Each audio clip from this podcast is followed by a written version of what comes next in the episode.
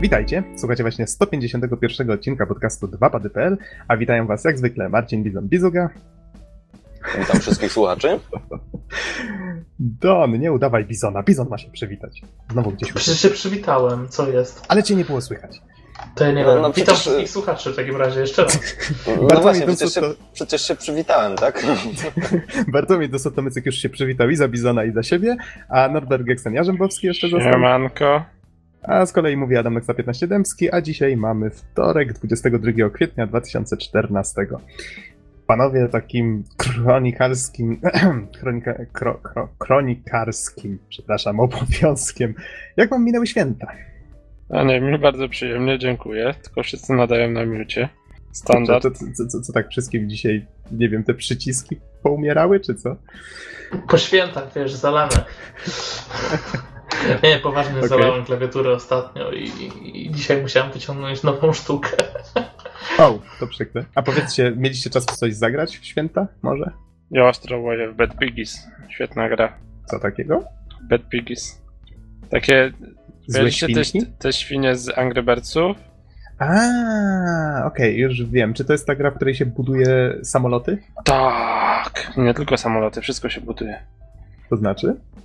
No, jakieś pojazdy jeżdżące po ścianach, jakieś wyścigówki, wszystko, wszystko. Generalnie rzecz biorąc, to jest e, duchowy następca Angry Birds. Trochę tak, ale to, wiecie, ta gra zasługuje na taką większą recenzję i zrobię to później, jak już skończę. I mi bateria nie to. zdechnie w telefonie. Aha, okej. A skoro już mówimy o recenzjach, to dzisiaj będzie jedna recenzja przygotowana przez Dona i to będzie Wiedźmin 2 Zajebcy Królów, tak? E, Znaczy, jak brzmiał prawidłowy tytuł? Zabójcy Królów. O, Nox, właśnie. jesteś wulgarny. Dałeś się Przepraszam. kręcić, no jednym słowem. Przepraszam, dałem się wkręcić, Don. Dobra, ale uciekasz od tematu. Jak pozostali? Graliście w coś ostatnio?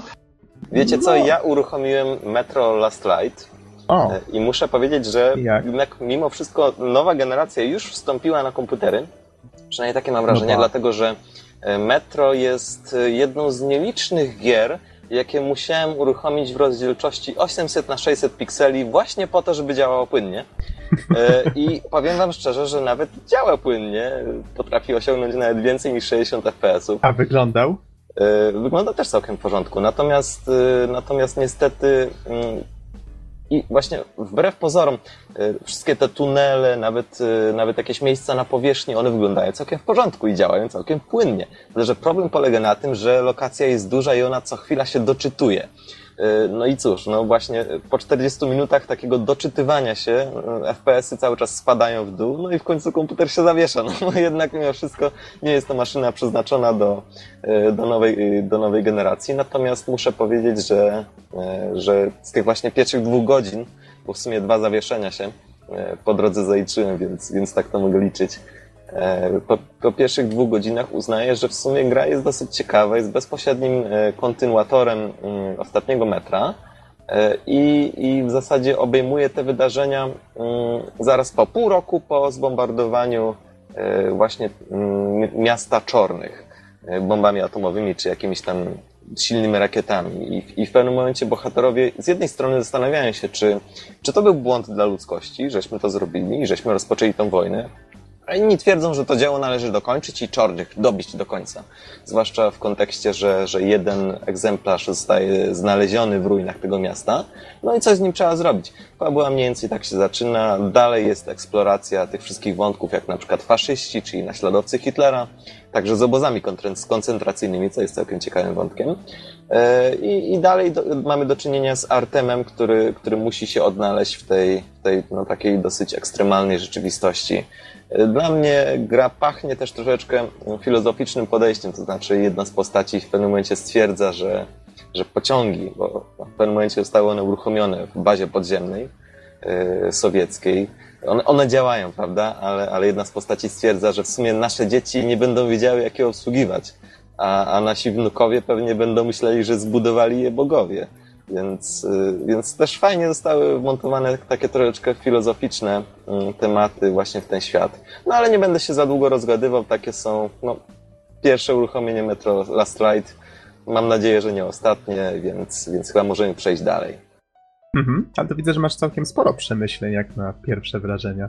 no bo w zasadzie to jest taka no, bezpośrednia kontynuacja e, pierwszej części i poruszają tak, no właściwie z jajem poruszają ten świat i, i już starają się, starają się go ruszyć do przodu, ruszyć pewne wątki do przodu.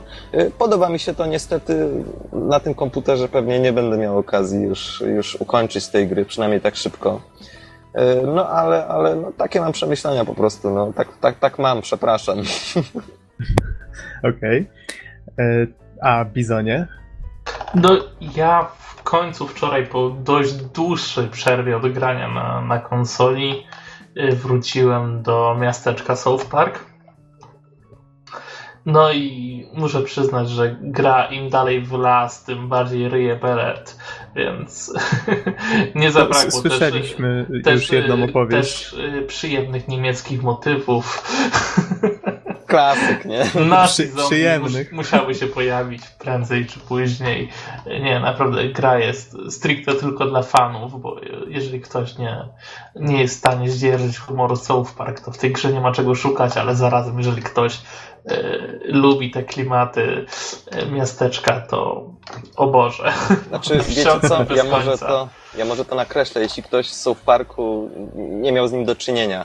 Jest taki serial Simpsonowie i on, on dosyć, y, no, operuje czarnym humorem i w pewnym sensie łamie system. są bardzo tak? delikatni. Właśnie.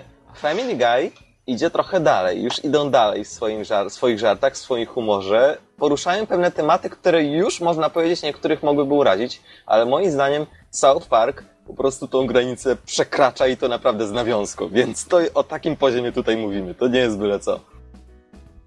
Mhm. No i oczywiście cały czas zachwyca wizualnie. Wow. Cały czas mam wrażenie, że oglądam kreskówkę. Coś świetnego.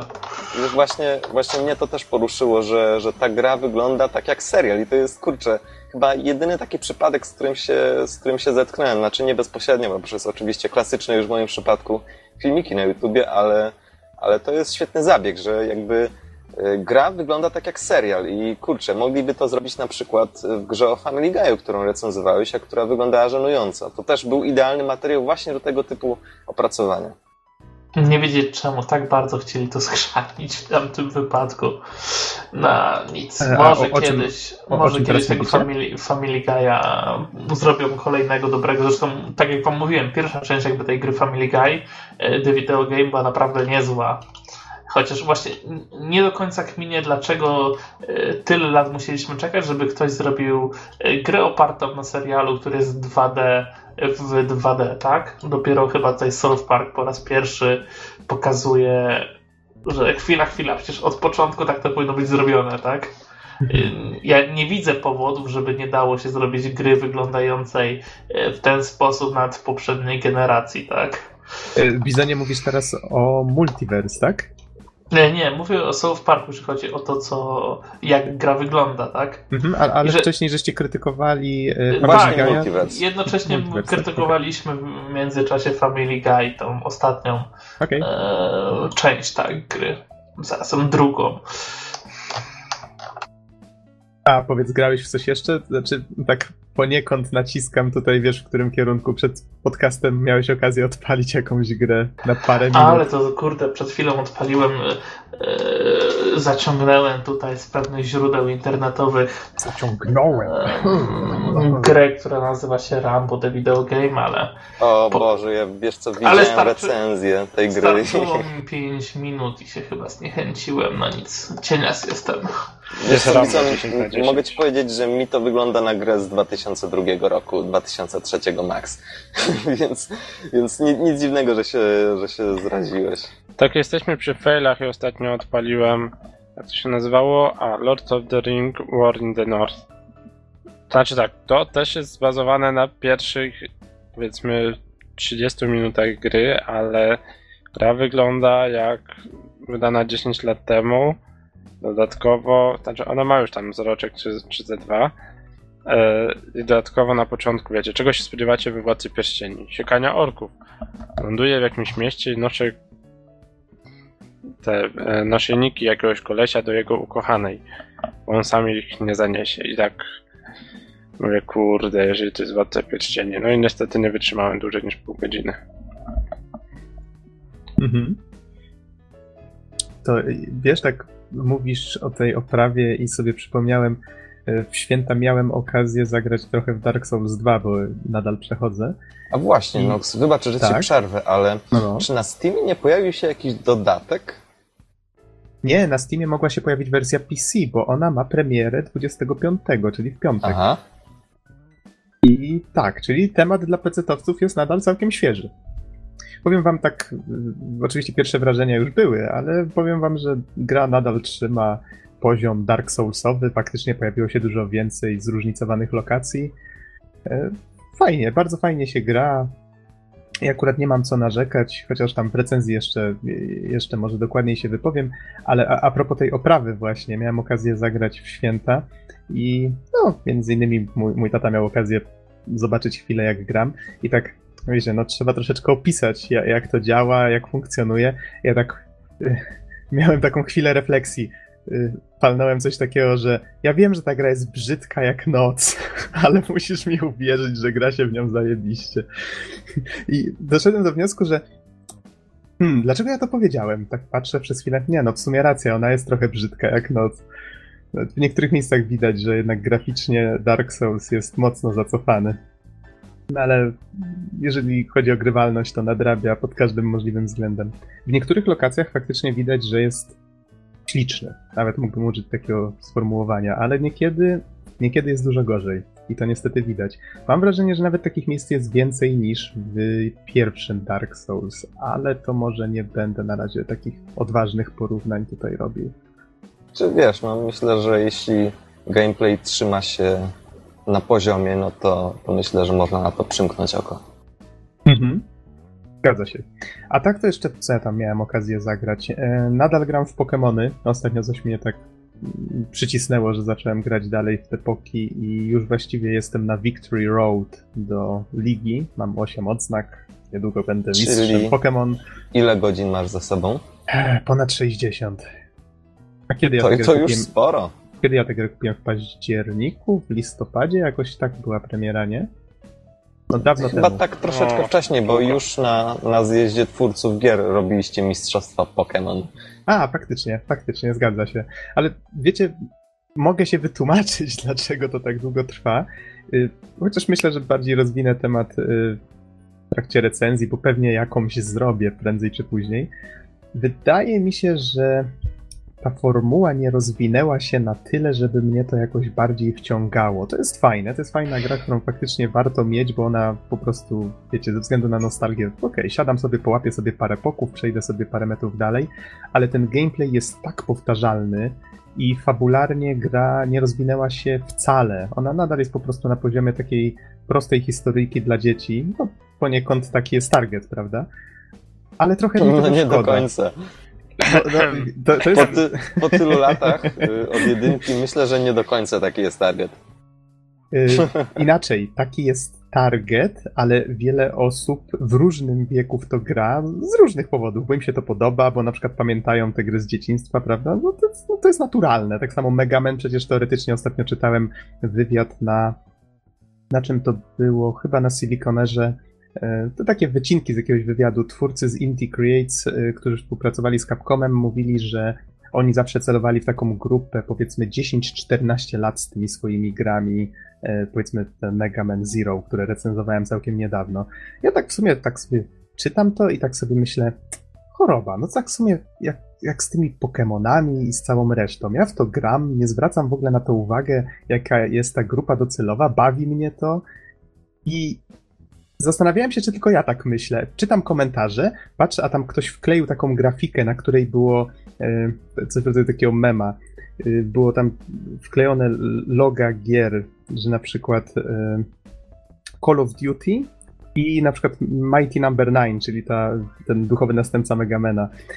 I było docelowy target i i aktualny target. Call of Duty celowany do dorosłych, a dzieciaki w niego grają, a z kolei w tym drugim były odwrócone proporcje, że celowany do dzieci, a dorośli w to grają. I tak mnie to trochę rozbawiło. Wydało mi się, że jest w tym jakaś taka nutka prawdy. Czy wiesz co, powiem ci szczerze, że ja ostatnio myślałem sobie trochę o Call of Duty Aha. y, i o temacie, który poniekąd poruszyłem na podcaście, w sensie jakim cudem cholera to się jeszcze trzyma na rynku. W sumie doszedłem do wniosku, że że w sumie właśnie w większości grają w to dzieciaki, albo powiedzmy, no nie bawmy się akurat e, w takie jakieś y, mocne stwierdzenia. Po prostu cała masa graczy to, to, są, to są ludzie w wieku 12-13 lat. I doszedłem do wniosku, że w sumie kiedy wychodziło takie to pierwsze z tych jakby nowszych Call of Duty, które wyznaczyło już ten taki schemat, który trzyma się już no, część w część, dosłownie niemal, niemal całkowicie, wyszło w 2007 roku. I w sumie osoby, które teraz mają 12 lat i zagrywają się w najnowsze Call of Duty, wtedy jeszcze mówiły na muchę bebka i, i myślały, że to jest rodzynka. Więc mimo wszystko wydaje mi się, że jakby napływ kolejnych pokoleń młodzików jest też pewnym, no, może nie pisanym targetem, ale jednak mimo wszystko wsparciem dla, dla społeczności Call of Duty. Takie mam wrażenie. Że to jednak, jednak kolejne pokolenia wchodzą fazę grania i, i natykają się na Call of Duty, które jest z ich perspektywy bardzo atrakcyjne. Mhm. Oczywiście A. nie można sprowadzać popularności tej gry nie, tylko no. do tego, ale myślę, że może, może jakoś częściowo coś w tej teorii jest. Nie, no ja też sporo godzin spędziłem przy Call of Duty i, i wbrew pozorom, ja to nieraz podkreślałem, że tam jest sporo techniki, tak? Inaczej dobieramy broń do ciasnych pomieszczeń, inaczej do długich dystansów, kilka taktyk, no zresztą sam Don widziałeś, można w tym stadium mhm, było sobie rozłożyć tarczę, machine guna. Sam z tobą grałem zresztą, no właśnie. długo. Więc jest tam trochę taktyki więcej niż się wydaje. Choć jakby gameplay jest na tyle dynamiczny, że dla kogoś, kto tego nie ogarnia, to wtedy faktycznie jest problem. A wiecie, tak jeszcze chciałem wrócić troszeczkę do tego tematu. Mm, czy, jakie, jakie, czy macie jakieś przemyślenia na przykład na temat tego właśnie, y, że gry targetowane do dzieci są też tak chętnie odbierane przez osoby starsze. Czy jest w tym według Was jakaś, jakaś reguła? No na przykład w tym wywiadzie, tak jeszcze tylko napomknę, mówili, że oni zawsze starają się, e, tutaj e, mówię o Inti Creates, o tej firmie właśnie, która stworzyła m.in. Mega Man Zero, oni ponoć dlatego tworzą takie gry, bo oni pamiętają, jak sami jako dzieci interesowali się takimi e, fajnymi produkcjami i oni po prostu chcą przekuć tą frajdę, jaką wtedy mieli, na jakieś nowe produkcje, które być może zachęcą właśnie kolejne młode pokolenia. I właśnie może ta frajda, jak myślicie, może to Wiesz tak co? przyciąga ludzi? Myślę, że, że duże, bardzo duże znaczenie ma tutaj ta zwykła nostalgia, na przykład, no nie wiem, Way Forward i DuckTales. Oczywiście, mhm. technicznie rzecz biorąc, jest to gra zrobiona właśnie dla młodszych użytkowników, którzy chcieliby jakąś platformówkę, e, ale no powiedzmy sobie szczerze, no myśmy grali w DuckTales na NESie, no ja akurat nie, ale trochę później grałem na emulatorze. Albo oglądali I... serial, prawda? Właśnie. I, I po prostu no, nie wierzę, że, że twórcy nie wzięli też pod uwagę tego nostalgicznego czynnika, który no, moim zdaniem był główny akurat w tym wypadku. Więc, y, więc nie lekceważyłbym siły nostalgii. Y, no ale z drugiej strony też dochodzi ten, ten czynnik nowych graczy, tych właśnie młodych, którzy no, są jakby głównym celem tej gry danej gry jakiejś tam. Wiesz, jeszcze, ten, jeszcze ten czynnik nostalgiczny, o którym mówisz, on jest też wykorzystywany jako siła nośna marketingu, prawda? Mhm. Reguła jest jedna. Mężczyzna rozwija się do piątego roku życia, później już tylko rośnie. tak, to, to w sumie bardzo ładne podsumowanie tego tematu. Znaczy, zmieniają się też zabawki, muszą być większe. Jak moja córka ma 6 lat, to już nie przerośnie intelektualnie. No niestety, trzeba się z tym pogodzić, Bizon. Mam dla ciebie złe wieści. No cóż. E, I tak już kończąc temat tego, w co grałem, wróciłem też na święta do Grida dwójki, bo tak chyba na chyba na Boże Narodzenie jak byłem urodziny, to właśnie zainstalowałem, bo stwierdziłem, a wyścigi to jest taka gra, w którą każdy może pograć, prawda? I tak siedzi u mnie na konsoli, od czasu do czasu wracam do tego Grida dwójki. Myślę, że niedługo zrecenzuję, bo już zbliżam się do końca. A gra mi się strasznie podoba taka właśnie czysta frajda z wyścigów, coś zupełnie A, innego wiesz, że niż właśnie zapowiedziano nową część. Tak, wiem i to jest właśnie płynne przejście do newsów. Co wy na to? Bo mamy Grid Autosport. Nie ma Grid 3, tylko właśnie będzie pod tytuł Autosport. Pojawił się nowy zwiastun. Wiadomo, że gra nie pojawi się przynajmniej na razie na konsolach obecnej generacji, tylko na PC, e, Xboxie 360 i PS3. I co ciekawe, dopiero teraz ją zapowiedziano, czyli tutaj news jest z, z dzisiaj, a 27 czerwca już ma być premiera w Europie. Więc wow, całkiem, całkiem szybko, prawda? Dwa miesiące i trochę. Więc Naprawdę trochę- mnie konsole tej obecnej generacji? e, w newsie na cdaction.pl, który wkleję pod podcastem, jest Faktycznie. tylko PC, Xbox Ale 360 i PS3. Przecież jest taka posłucha chyba na konsolach nowej generacji, że chodzi o wyścigi, że, że to aż dziwne. Znaczy, się- Wiesz, Mizan, w sumie z tego, co mówiłeś, to taka ogólnie jest trochę posłucha na nowej generacji, co? Znaczy, w sensie, pewnie wychodzą jakieś gry i jest ich tam trochę, ale, ale jakoś wydaje mi się, że przynajmniej z tego, co tutaj Kurde, słucham na dwóch padach, że, Play- że trochę tego jest mało, co? No jest mało, jest mało, a w dodatku na przykład na takim PlayStation to właściwie nie ma żadnych wyścigów, jest tylko Need for Speed, tak? E, Ten Rivals. Więc jakby taka gra weszła, to na pewno wszyscy, którzy czekają na jakieś wyścigi, by ją zakupili z braku laku, nie? Jakoś ta nowa generacja niby jest, a jej tak zarazem nie ma. Takie mam trochę wrażenie, że ona tak. Ale czy to nie zawsze tak było? Nie. Nie? Okej. Jest naprawdę cienko. Ja naprawdę obserwuję cały czas e, te premiery na Xboxie One i no i co, jedna gra doszła w tym tygodniu, jest to e, Trials Fusion chyba. Fusion, Te- tak? Też, też, też taki tylko arcade, więc no, nie za wiele się dzieje. E, Chyba najwięcej to jest tych gier Lego, bo I to słuchajcie, czy, to Czyżby- wszystko. ej, słuchajcie, czyżby rynek gier na tyle zahamował, że nawet nie. nowa generacja nie może go pobudzić? To troszeczkę, kurczę, jest dla mnie, dla mnie dziwne, niezwykłe. Ale wiecie, to- Widzisz, może, może sami przegięli, tak, z tym, z tym wydłużaniem generacji do tego stopnia, że wyhamowali mm, te potrzeby u graczy. Nikt nie chce się przerzucać na kolejną generację, bo w sumie nie no, postęp graficzny jest, chociaż nie tak olbrzymi, nie do zauważenia dla casualowego gracza, jak jeszcze powiedzmy między PS2 a PS3, co nie?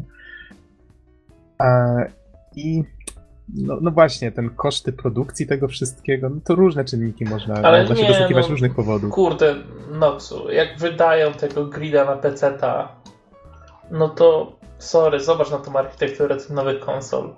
Nie, nie róbmy nie wiadomo jakiej tragedii, żeby to jeszcze przerzucić na te dwie konsole. Wiesz, może robią to dlatego, że właśnie mają dużo większą grupę docelową właśnie na PS3 i Xboxie. Dużo więcej osób posiada te konsole, fizycznie rzecz biorąc. Tak, i też No może być powód. Sytuacja jest dość dziwna, no bo podobno nie ma dużych różnic, że łatwo jest wydać na PS4, mając wydanie na PC-ta, zamiast Xboxem, a jakoś tak nie ma tych gier, po prostu ich nie ma. I, i teraz kolejna gra, która omija. Przed chwilą też był jakiś taki duży tytuł, który no niestety nie wyszedł na nowe konsole. Słuchajcie, a, a jeżeli wszyscy ci marketingowcy wychodzą z takiego założenia, okej, nikt nie wydaje tych nowych gier na y, obecną generację, to zróbmy tak jak wszyscy, czyli zróbmy najpierw te gry na starą generację, poczekajmy trochę czasu, a potem zróbmy reedycję i zaróbmy dwa razy na tym samym. Tadam! Magia. Incepcja. Tak też może znaczy, być. To, to musisz mieć sporo pewności, no bo jednak gra po premierze więcej zarabia, później reedycja musi sprzedać taniej, no i inne takie czynniki, no to by trzeba było dobrze przekalkulować. Nie no, wiadomo, ja tutaj tak luźną myślą tylko rzuciłem, prawda? A tak wiecie, a propos, y, a, a propos tej nowej, starej generacji, tak spójrzmy w stronę Nintendo. Ja tu mam newsa z Inner Worldu, którego przypadkiem sam napisałem i y, to, to jest news a propos filmiku, który się pojawił pod koniec marca bodajże, który reklamował y, update'y na Wii U w tym miesiącu bo pojawiło się, nie wiem czy o tym mówiliśmy, czy nie, pojawił się w ym, Virtual Console na Wii U, pojawiło się, pojawiły się gry z Game Boya Advance'a. I właśnie jest cała rozpiska aktualizacji na kwiecień i właściwie pojutrze 24 będzie ostatnia z nich i na przykład, no w tym przypadku będzie to Yoshi's Island Super Mario Advance 3, ale już wcześniej w tym miesiącu pojawił się Advance Wars, był Mario and Luigi Superstar Saga, świetna gra, był Metroid Fusion, też genialna, Kirby the Amazing Mirror czy WarioWare, y, był Golden Sun i F-Zero teraz 17 kwietnia. Golden Sun też wiele osób poleca jako świetnego JRPGa, więc no zobaczcie, Nintendo jakby się obudziło i teraz znowu zaczyna dodawać y, swoje stare hity na no i nie no tylko tak, swoje. no tylko że to, to jest za mało, żeby sprzedać jednak tą konsolę, tak? No tak, co nie zmienia faktu, że ratują się starymi grami, które istnieją już od dawna i po prostu zna znane są z tego, że są dobre, prawda? Albo bardzo dobre nawet. Jakoś zawsze zwiększają tą bibliotekę dostępnych tytułów. A, powiedz Norbert, czy jakieś nowe tytuły na Wii U? Jakieś takie ciekawe, których wypatrujesz? Jest coś? Mario Kart, Super Smash Bros. O, to, to są Za chwilkę fajne. już są na, na wyjściowej, że to tak ujmę, więc czekam. Mhm. Czekam na to. E, Jeszcze tak może dorzucę w ramach ciekawostki, że nie wiem czy wiecie, ale Super Smash Bros. w ogóle, ta poprzednia odsłona była jedną z najbardziej popularnych gier, w sensie, może nie w Europie, ale w Stanach była dość popularna, jeżeli chodzi o bijatyki. Okazuje się, że tamta technika pozwalała na znacznie, znacznie więcej niż w innych bijatykach w stylu Tekken na przykład. Tutaj jakby ciężko mi się wypowiadać, ale jakby oglądałem taki dokument cały składający się z siedmiu epizodów, czy no może nie cały, jestem na czwartym w tym momencie, gdzie kolesie się tam wypowiadają i dodatkowo pokazują jak wyglądały turnieje. Jak skończę oglądać to, to, to zrobię pełną breckę, ale okazuje się, że Smash Bros. gra stworzona w, celu, w celach rodzinnych wcale nie jest taka prosta i banalna, jakby nam się wydawało. E, Miałem styczność z, ze Smash Brosem i faktycznie muszę przyznać, że tak, że to jest gra, w którą wydaje się, że się gra łatwo, ale żeby ją zmasterować, to jest e, kosmos. Ale Grę- wiecie co, wydaje mi się, że Mhm. to jest, to jest coś, czego, ni- czego Nintendo dawno temu już się nauczyło i na przykład, nie wiem, najnowsze Mario przecież takie też jest, prawda? Też wspomnieliśmy o tym, że początkowe poziomy są banalnie proste, a później, później robi się trudno. Więc, y, więc chyba, nie wiem, chyba to jest jakby, no taka dobra cecha, której, Mhm. której się już wyuczyli. Tylko wiesz, w tym przypadku mamy grę, która jest taką pijatyką, w której, e, w którą są wrzucone wszystkie postacie, znaczy wszystkie, no różne postacie od Nintendo i nie tylko. Teraz na przykład Mega Man się pojawia, tutaj Nintendo współpracuje z różnymi firmami.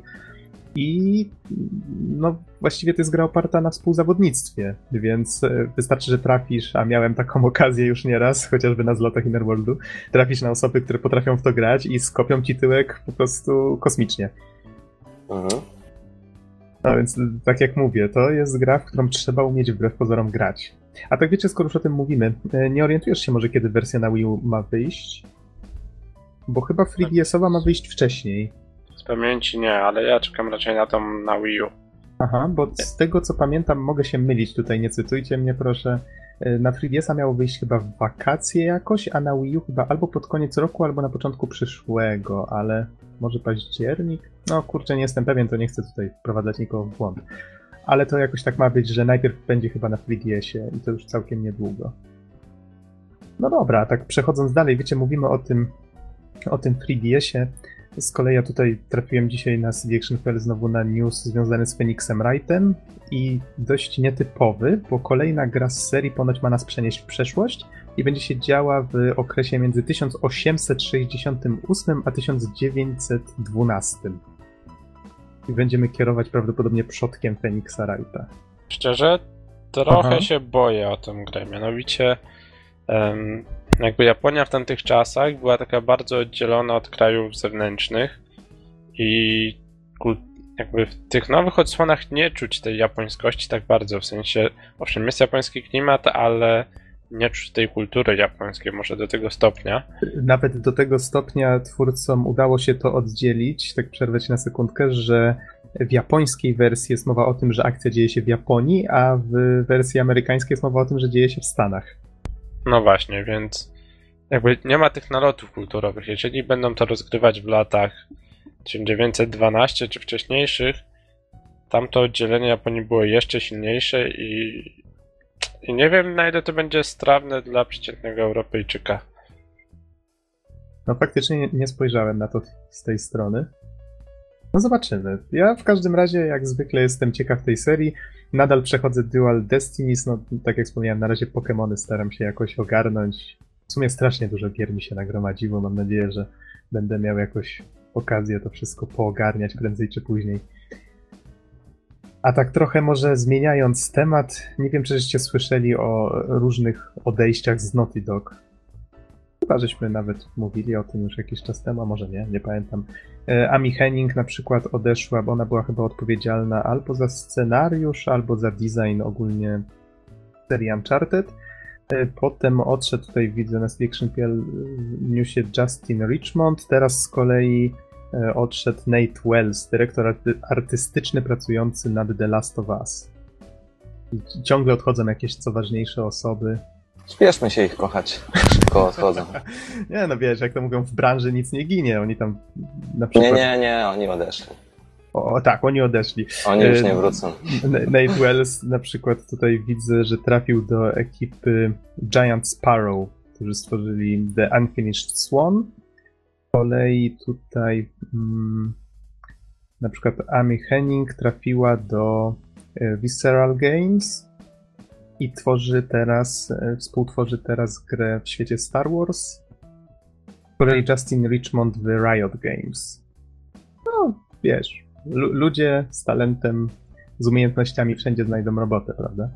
Tylko, że pytanie właśnie co z Naughty Dog? Dlaczego tam nagle taki wysyp zwolnień, znaczy zwolnień, no odejść właściwie. No Zwolnień. wiesz, różne się powody, ale ja myślę, że, że nie powinniśmy tego tak poruszać, upolityczniać. Oni po prostu odeszli. Nadszedł ich czas. No, w, w, sumie, w sumie to tak, tak zdrowo, wyszło. zdroworozsądkowo żeś do tego podszedł. E, A wiecie, tak już e, może, żeby kończyć ten, te, te przykre takie tematy, tutaj jeszcze e, mam newsa, tym razem z Eurogamer.pl, mianowicie Marty O'Donnell, czyli kompozytor muzyki m.in. do serii Halo. Ja go pamiętam na przykład z, z Rivena. A tutaj nawet z tego, co widzę w tym newsie, Riven, czyli ten e, sequel do Mysta, to był, do tej przygodówki, to był jego pierwszy projekt w ogóle w branży, ciekawe. E, Jeszcze kojarzę jego muzykę z Oni, to była świetna bijatyka, strasznie mi się ta gra podobała swojego czasu. E, No i tu- tutaj taka, ta- tak jak mówisz, nie upolityczniać, ale tutaj na przykład ciężko się powstrzymać, bo on na Twitterze napisał, że ze smut- cytuję, ze smutkiem informuję, że zarząd Bungie zwolnił mnie bez podania przyczyny 11 kwietnia tego roku. Koniec cytatu. Z kolei e, Tutaj na, na stronie, może też zacytuję, pojawił się komunikat. Przez ponad dekadę Martin O'Donnell wypełniał nasze światy niezapomnianymi dźwiękami i muzyką, zostawiając niezatarte wspomnienia wśród fanów. Dzisiaj żegnamy się jako przyjaciele. Czytamy w komunikacie na oficjalnej stronie studia. Boże, Życzymy, mu to mi wszystkiego trochę- najlepszego w przyszłości. To mi trochę pachnie mową pogrzebową, wiesz, to takie trochę klimaty. Odszedł od nas niestety. Ale wiesz, nie, wiem, szczerze powiedziawszy, ja akurat y, nie wchodzę akurat w tego typu tematy y, i zmiany personalne, no ale jeśli odeszli, to musieli mieć jakiś powód, a jaki? No to może zostawiam tutaj miejsce na twoje spekulacje. Pieniądze. Money! Ach, Może akurat, chcieli się przyłączyć do Oculusa. jak wszyscy ostatnio. W tym przypadku I do ich pieniędzy. No, teraz, teraz to tak, mogą sypać tym na lewo i prawo. Ej, Karmak, pożycz z 2 miliony. A w tym przypadku akurat zaintrygowało mnie trochę, ta, ta rozbieżność mnie zaintrygowała, że on napisał, że go zwolnili, a ci, że się z nim pożegnali po prostu, tam, że on odszedł, jakby, że to niby on odszedł, prawda? No nie wiem.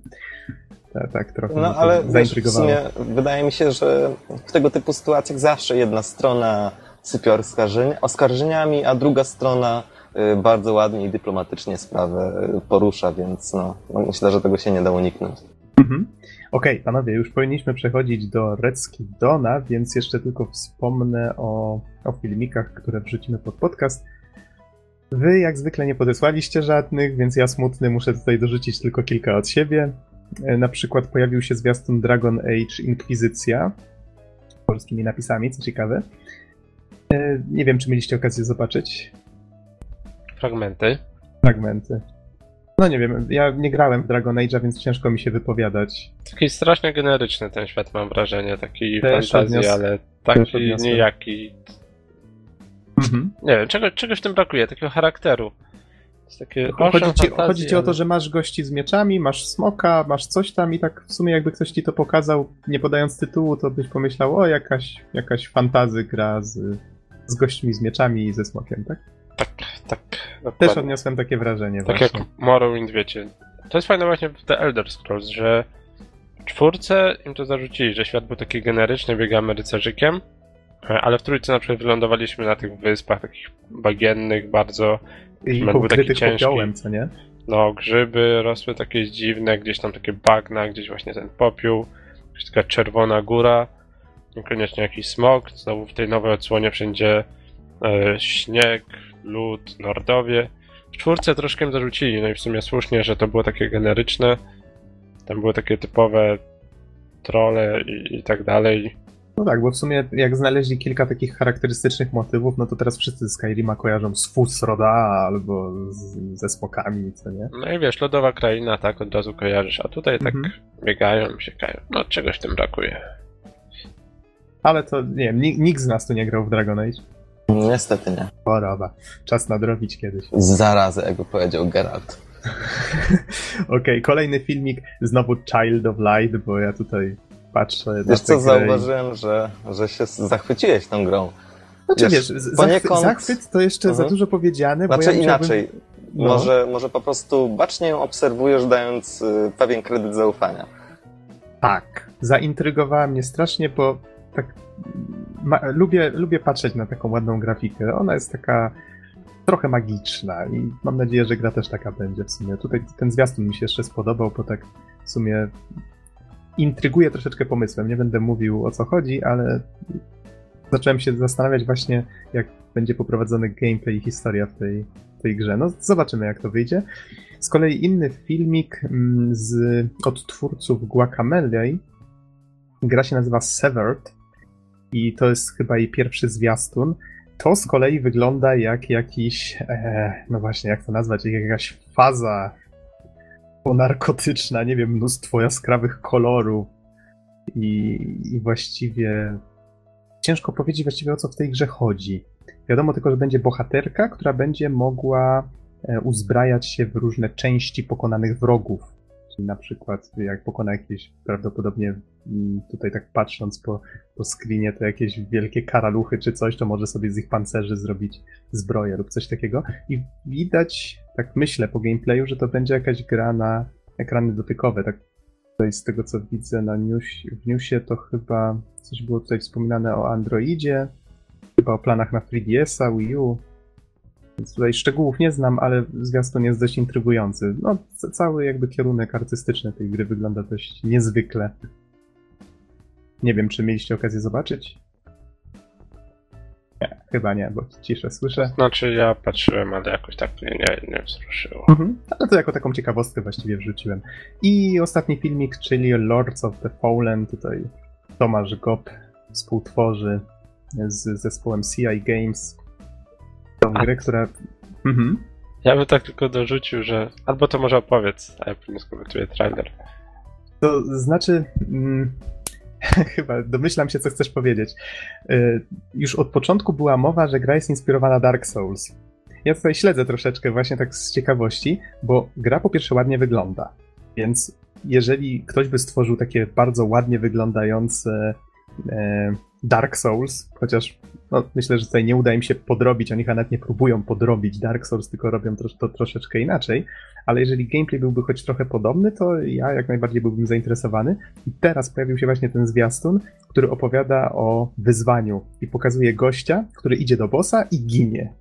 Potem idzie do niego jeszcze raz i ginie znowu. Idzie trzeci raz i ginie w jeszcze innych e, no, okolicznościach. I tak kółko, i tak kółko. I w końcu Innymi morał jest... słowy, bawcie się dobrze. Bawcie się dobrze, tak jak w Dark Souls. Y, Tak, i morał z tego, że y, najlepsze zwycięstwo jest zrodzone z porażki, czy, czy coś takiego, już nie pamiętam dokładnie.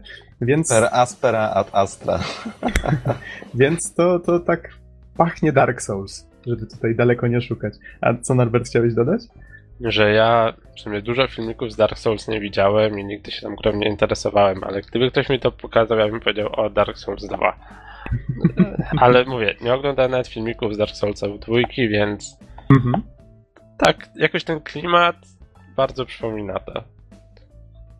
Bardzo możliwe, że oni właśnie, wiesz, tak starają się ostrożnie o tym mówić. Na zasadzie, tak, tak, inspirujemy się, ale tutaj nie traktujcie tego jak Dark Souls, ale wydaje mi się, że oni dość mocno starają się szukać Czy inspiracji. wiesz co, Noxu? Ja właśnie Mhm. zauważywszy tego no, wypasionego rycerza, y, który właśnie mm, nagle staje przeciwko znacznie większemu przeciwnikowi, też właśnie pierwsze co pomyślałem Dark Souls. Więc y, inspiracje pewnie są mocne. Mhm. Tylko, że tak jak mówię, gra wygląda naprawdę, naprawdę ślicznie. Tutaj nie wiem, jak Dark Souls 2 będzie wyglądał na PC, ale no cóż, On wygląda ładnie w wielu miejscach, ale jest też wiele takich, no nie wiem, gdzie są na przykład mroczne jaskinie, gdzie właściwie nic nie widać, albo jakieś takie miejsca, gdzie jest bardzo mało detali w otoczeniu. Okej, okay, to pasuje nawet miejscami do klimatu, ale tak na upartego można by stwierdzić, że po prostu w wielu miejscach gra jest brzydka. No. Ale mimo wszystko polecam, to nie jest w tej grze najważniejsze, naprawdę. Więc jeśli ktoś stworzy coś podobnego, tylko że będzie do tego jeszcze śliczne gra graficznie, to ja jestem jak najbardziej na pokładzie. Więc to tak dodam od siebie. I myślę, że jeżeli nie macie nic do dodania, to możemy możemy przejść do, no tutaj, żeby nie mówić, tak jak powiedziałem wcześniej, do Zabójcy Królów, czyli The Witcher 2, nasz polski Wiedźmak, Wiedźmin, Wiedźmin, Wiedmo i tak chcesz, dalej, i tak dalej. Chcesz, Don, żebym tutaj rzucił jakąś garstką statystycznych danych? Myślę, że tradycji musi stać się zadość. Okej, okay, tutaj widzę że na wiki, że gra miała premierę 17 maja 2011. Mój Boże, jak ten czas leci. Producentem był Tomasz Gop. o wilku mowa. Czekaj jeszcze raz, którego? E, to był 17 maja 2011. E, 2011, no proszę. Tak, i grę, w grę można zagrać na PC i ona od tego czasu wyszła też na Maci i na Xboxa 360. Na PS3 nigdy się nie ukazała. Ha, take that, Sony. Okej. Okay. I oczywiście została stworzona przez CD Projekt Red. No właśnie, Wiedźmin 2 Zabójcy Królów. No i mamy drugą część, czyli ciąg dalszy przygód y, Białego Wilka. W przypadku pierwszej części e, Redzi musieli borykać się z obcym silnikiem, przepisywaniem kodu, pewnymi ograniczeniami. Natomiast w drugim wydaje się, że czerwoni rozwijają skrzydła na swojej własnej mechanice. E, I czy to wyszło dobrze? No cóż, sprawdźmy. Zacznijmy od fabuły. E, pierwsze, co muszę powiedzieć, i to, i to bardzo wyraźnie, to to, że gra w żaden sposób e, nie łączy się z częścią pierwszą. Oczywiście e, łączy obie części postać Geralta, ale na dobrą sprawę wszystkie wątki w jedynce się zamykają i, i dwójka jest absolutnie zupełnie inną, osobną historią. Oczywiście połączenie jest, jest oczywiście takie połączenie robione, ono jest trochę robione na wyrost, dlatego że w outro pierwszej części występuje zupełnie nowy wątek, który nijak się ma do fabuły jedynki, ale jest bezpośrednią zapowiedzią części drugiej, więc można powiedzieć, że to outro mogłoby być nawet trailerem dwójki, z tym, że dosyć słabym technologicznie. W każdym razie mm, dwójka zaczyna się, mm, zaczyna się wokół, wokół bardzo charakterystycznego wątku właśnie zabójców królów. Nastąpiła próba zamachu na króla Foltesta. Geralt akurat zdarzyło się, że był w odpowiednim czasie i miejscu i zdołał go obronić. Dobrą sprawę o całej sprawie można by zapomnieć, gdyby nie to, że właśnie jeden fakt. Kocie oczy zabójcy. Czyżby Wiedźmini trzymali, e, czyżby Wiedźmini mieli w tym jakiś swój udział? Jest to, jest to dosyć ważne pytanie, które, e, które troszeczkę Geraltowi głowę zamąca. I Foltest trochę przestraszył się, że próbowano go zabić, więc Geralt staje się, staje się swego rodzaju aniołem stróżem Foltesta i ochrania go w prologu podczas bitwy.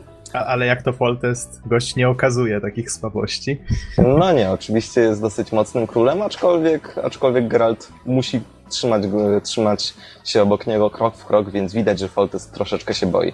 A propos aniołów stróżów, to może pomówmy o aniołach śmierci, dlatego że w międzyczasie nastąpił zamach na króla Demawenda, który zresztą możemy obejrzeć w jakości HD, e, dzięki temu, że, że edycja rozszerzona, którą właśnie e, miałem okazję grać, zawiera, e, zawiera ten filmik zrobiony przez prze, przede wszystkim zrobiony przez Platish Image czyli bodajże Bagiński miał w tym udział. Leto po prostu, zabójca królów, e, jak powiedział Geralt w, w takim wywiadzie dla dwuchpadów.pl, nigdy w życiu nie widział takiej góry miecha. Innymi słowy, e, innymi słowy, e, w Królestwie Północy zaczynają krążyć królobójcy. Natomiast, no właśnie, co do tego wszystkiego ma Geralt? Zacznijmy od tego, że Geralt jest neutralny. Jego to wszystko nie obchodzi. Jeśli wystąpiłaby jakaś mocna zawierucha polityczna albo społeczna, wręcz rewolucja, no to wystarczyłoby się zaszyć w Karmoren, czyli wiedźmińskiej twierdzy, no i już. Przez parę miesięcy, przez parę lat, potem sytuacja się uspokoi, no i tyle. Geralt wcale nie musiałby się w to mieszać. Ale, ale, uwaga, Geralt jest jedynym świadkiem e, zabójstwa Foltesta, które niestety następuje.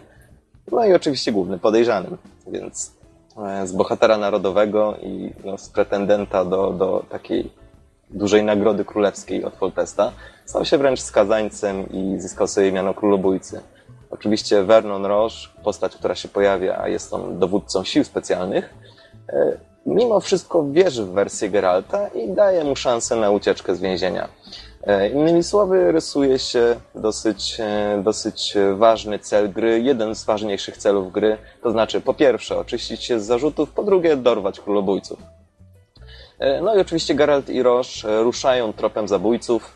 E, no i tutaj właśnie muszę powiedzieć, że, że mam taką teorię. Być może CD Projekt Red w przeszłości wykonali złą wersję Wiedźmina 2, usłyszeli moją recenzję, cofnęli się w czasie i zrobili, i zrobili dobrą grę, która faktycznie, która faktycznie jest no, pozbawiona pewnych wad i właśnie dzięki temu mamy dobre, dobrego Wiedźmina 2. Oczywiście ciężko byłoby to udowodnić, dlatego że po pierwsze trzeba by ustalić, że podróż w czasie jest możliwa, e, co jest dosyć trudne, a po drugie trzeba by ustalić, że pewne grupy interesu z niej korzystają.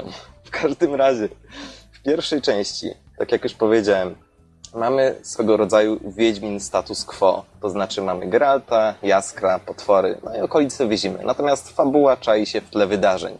Słownie miałem pewne nawet pokusy, żeby powiedzieć Geraltowi uważaj Geralt, za tobą, to fabuła!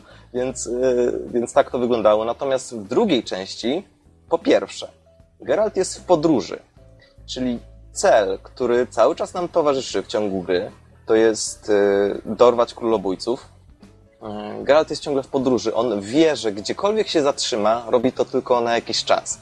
Postaje są tymczasowe. Oczywiście może sobie wziąć jakieś tam questy, zabić jakiegoś potwora, ale ostatecznie ten cel nigdy nie ginie nam z oczu. Wręcz powiedziałbym, że fabuła trochę nas pogania, żeby iść do przodu i to jest świetne. E, natomiast po drugie, świat sam w sobie jest dynamiczny. To znaczy Geralt y, bierze udział w wielkiej polityce. On zawsze unika wielkiej polityki, ale mimo wszystko y, bardzo często zdarza mu się w nią wplątać, dlatego że jest powiedzmy zainteresowany pewnym ogniwem, y, którym zainteresowani są wszyscy, konkretnie cały cywilizowany świat. No i ostatecznie poznaje królów, ambasadorów, różnych lordów i bierze udział w ich intrygach. Więc dosłownie wielka polityka tego świata, czyli Królestw Północy, dosłownie dzieje się na oczach świata można powiedzieć, że ten świat, który troszeczkę zatęchł w pierwszej części, który był strasznie nieruchomy i yy, bano się go ruszyć, co powiedziałem wyraźnie w recenzji pierwszej części, wreszcie rusza, rusza z posad. Mamy tutaj zmiany polityczne. E, na przykład jakieś królestwo prowadzi negocjacje, jakieś królestwo zajęło jakiś teren, ktoś się kłóci o coś, są jakieś zjazdy. Inne różne grupy interesów e, wreszcie, e, powiedzmy tam, odzywają się i próbują, próbują zagarnąć jak najwięcej, żeby ustalić swoją pozycję w świecie. Więc innymi słowy, świat naprawdę jest bardzo dynamiczny. Mamy nie tylko zmiany polityczne, ale także na przykład zmiany w bohaterach czyli na przykład postaci, które były dosyć istotne w pięcioksiągu, na przykład mogły umrzeć albo, albo gdzieś się wynieść. E, lub po prostu jakoś, jakoś inaczej zmienić. Fabuła pędzi do przodu. To jest bardzo ważne. I tutaj, tak jak powiedziałem, być może e, Redzi cofnęli się w czasie po mojej recenzji i zrobili świetną drugą część, e, ale to trudno będzie udowodnić. Bo w zasadzie wydaje mi się, że to jest, to jest dokładnie to, czego chciałem od jedynki to, na co narzekałem w pierwszej części. Natomiast drugi ważny wątek fabularny to jest przeszłość Geralta.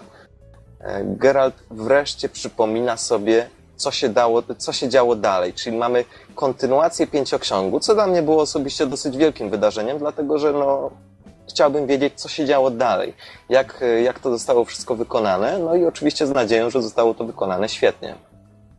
Chociaż e, trzeba pamiętać, że tutaj przerwać na sekundkę. E, Sapkowski wypowiedział się na ten temat, mówiąc, że. Znaczy, nie wiem, czy on w ogóle grał w te gry, prawdopodobnie nie. nie, on nie grał wywiad. w te gry, dlatego że stwierdził, że nie interesuje się tym medium, więc nie grał.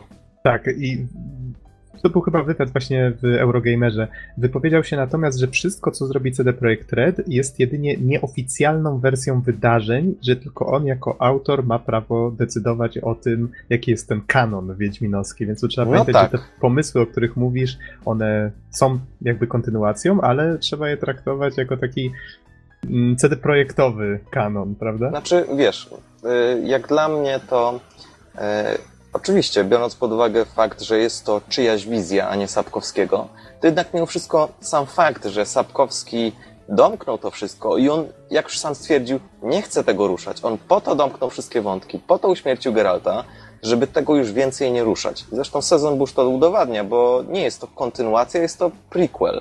Y, Więc, więc jednak mimo wszystko gra y, w oczach na przykład kogoś, kto jest po książkach, jest no, swego rodzaju kanonem.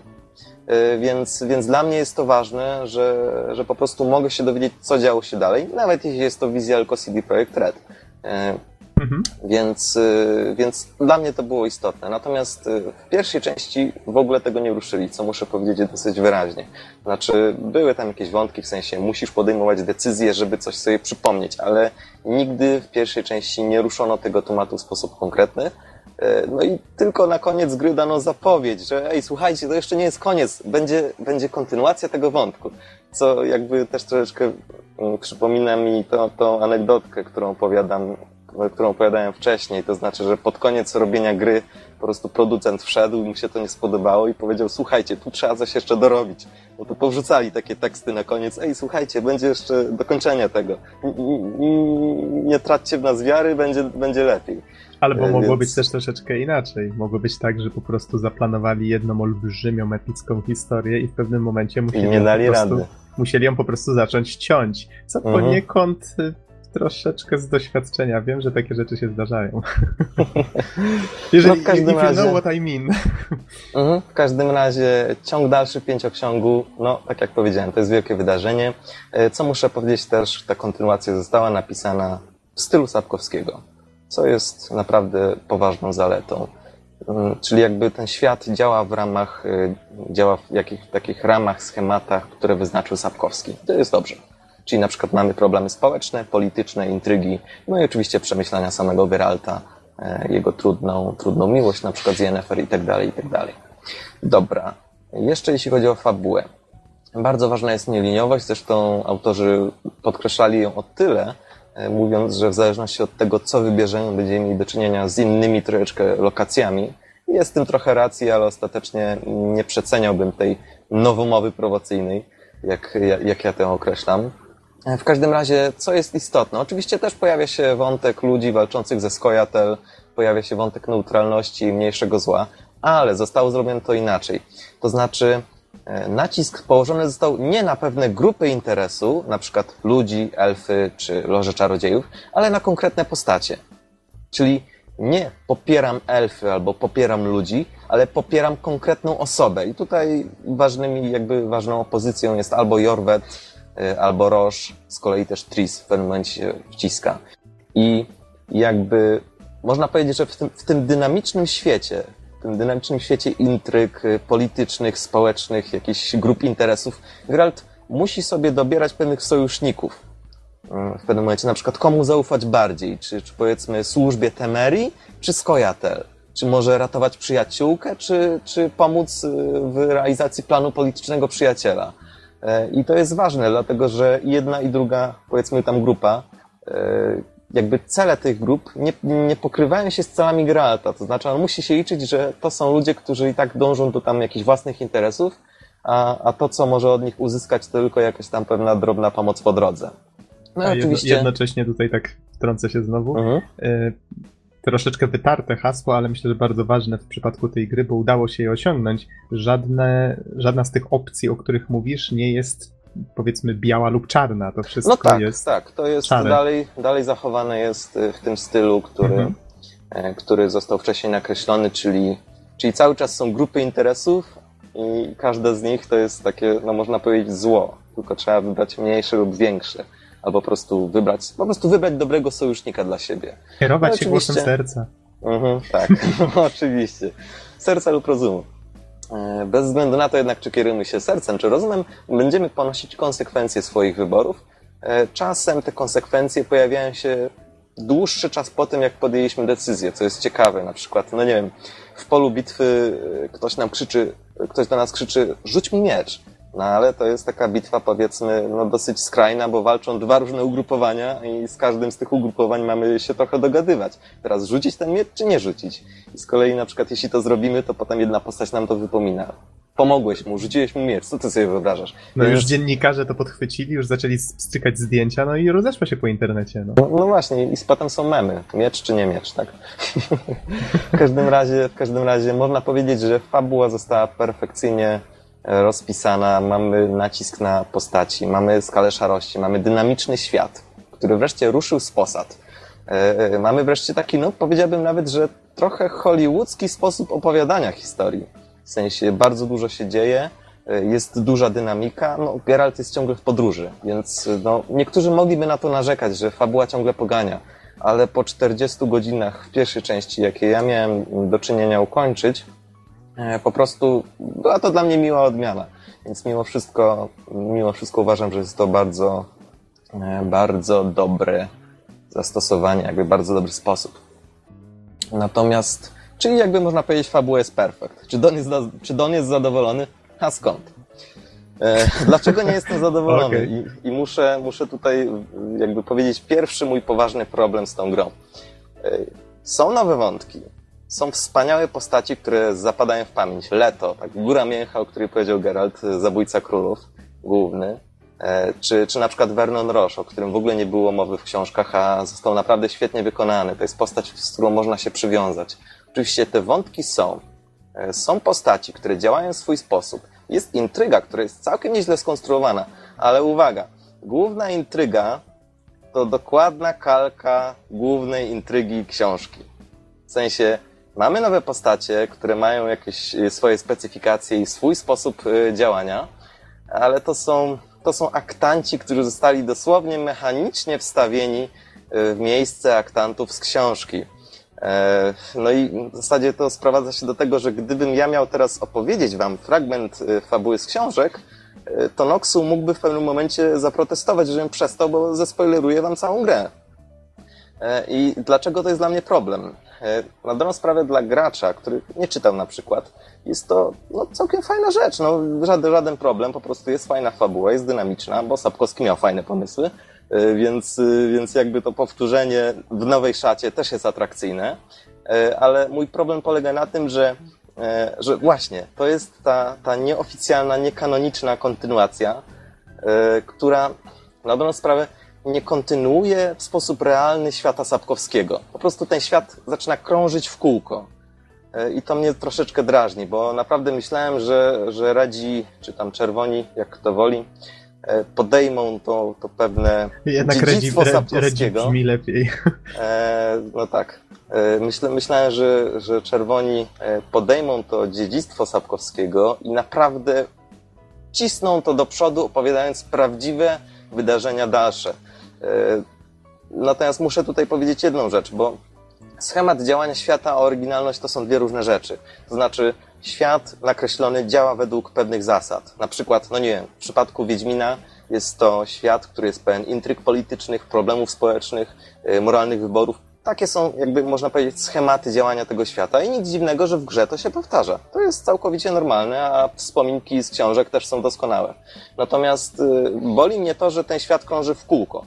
Dla przykładu e, Back to the Future The Game oczywiście nadal korzysta jakby z tych schematów i poetyki powrotu do przyszłości, ale mamy do czynienia z zupełnie nową historię, historią, która wprawdzie toczy się w taki sposób jak zawsze na filmach, czyli jedziemy w przeszłość, coś pieprzymy i potem musimy pięć razy wszystko poprawiać, ale jednak mimo wszystko jest to zupełnie nowa historia. Natomiast tutaj krążymy w kółko.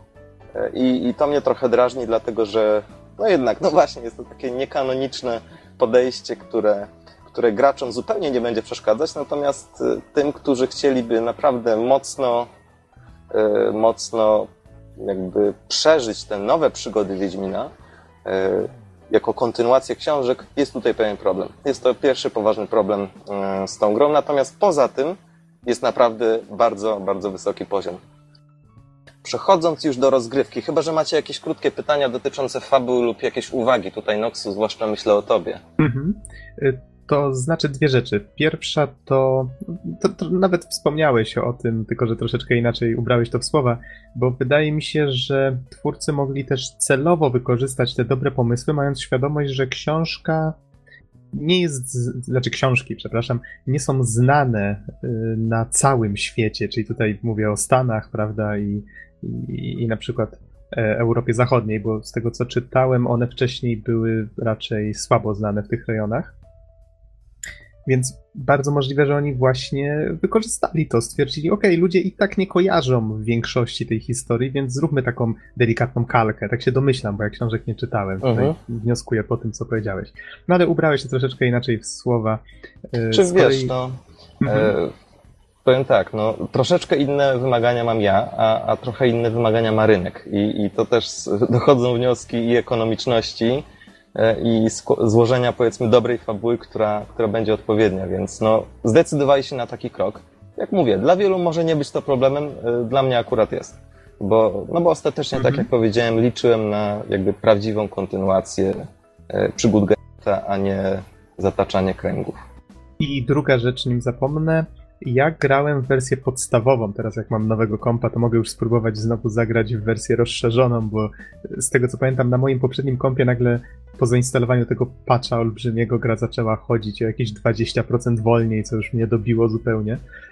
E, Mogę powiedzieć, że ten patch miał chyba z 10 giga. Tak, tak, Był dokładnie. naprawdę Dlatego potężny. ja byłem bardzo zainteresowany, co dodano. Czy orientujesz się może? Wiem, że zakończenie na pewno jest jakieś, epilog jest zupełnie nowy.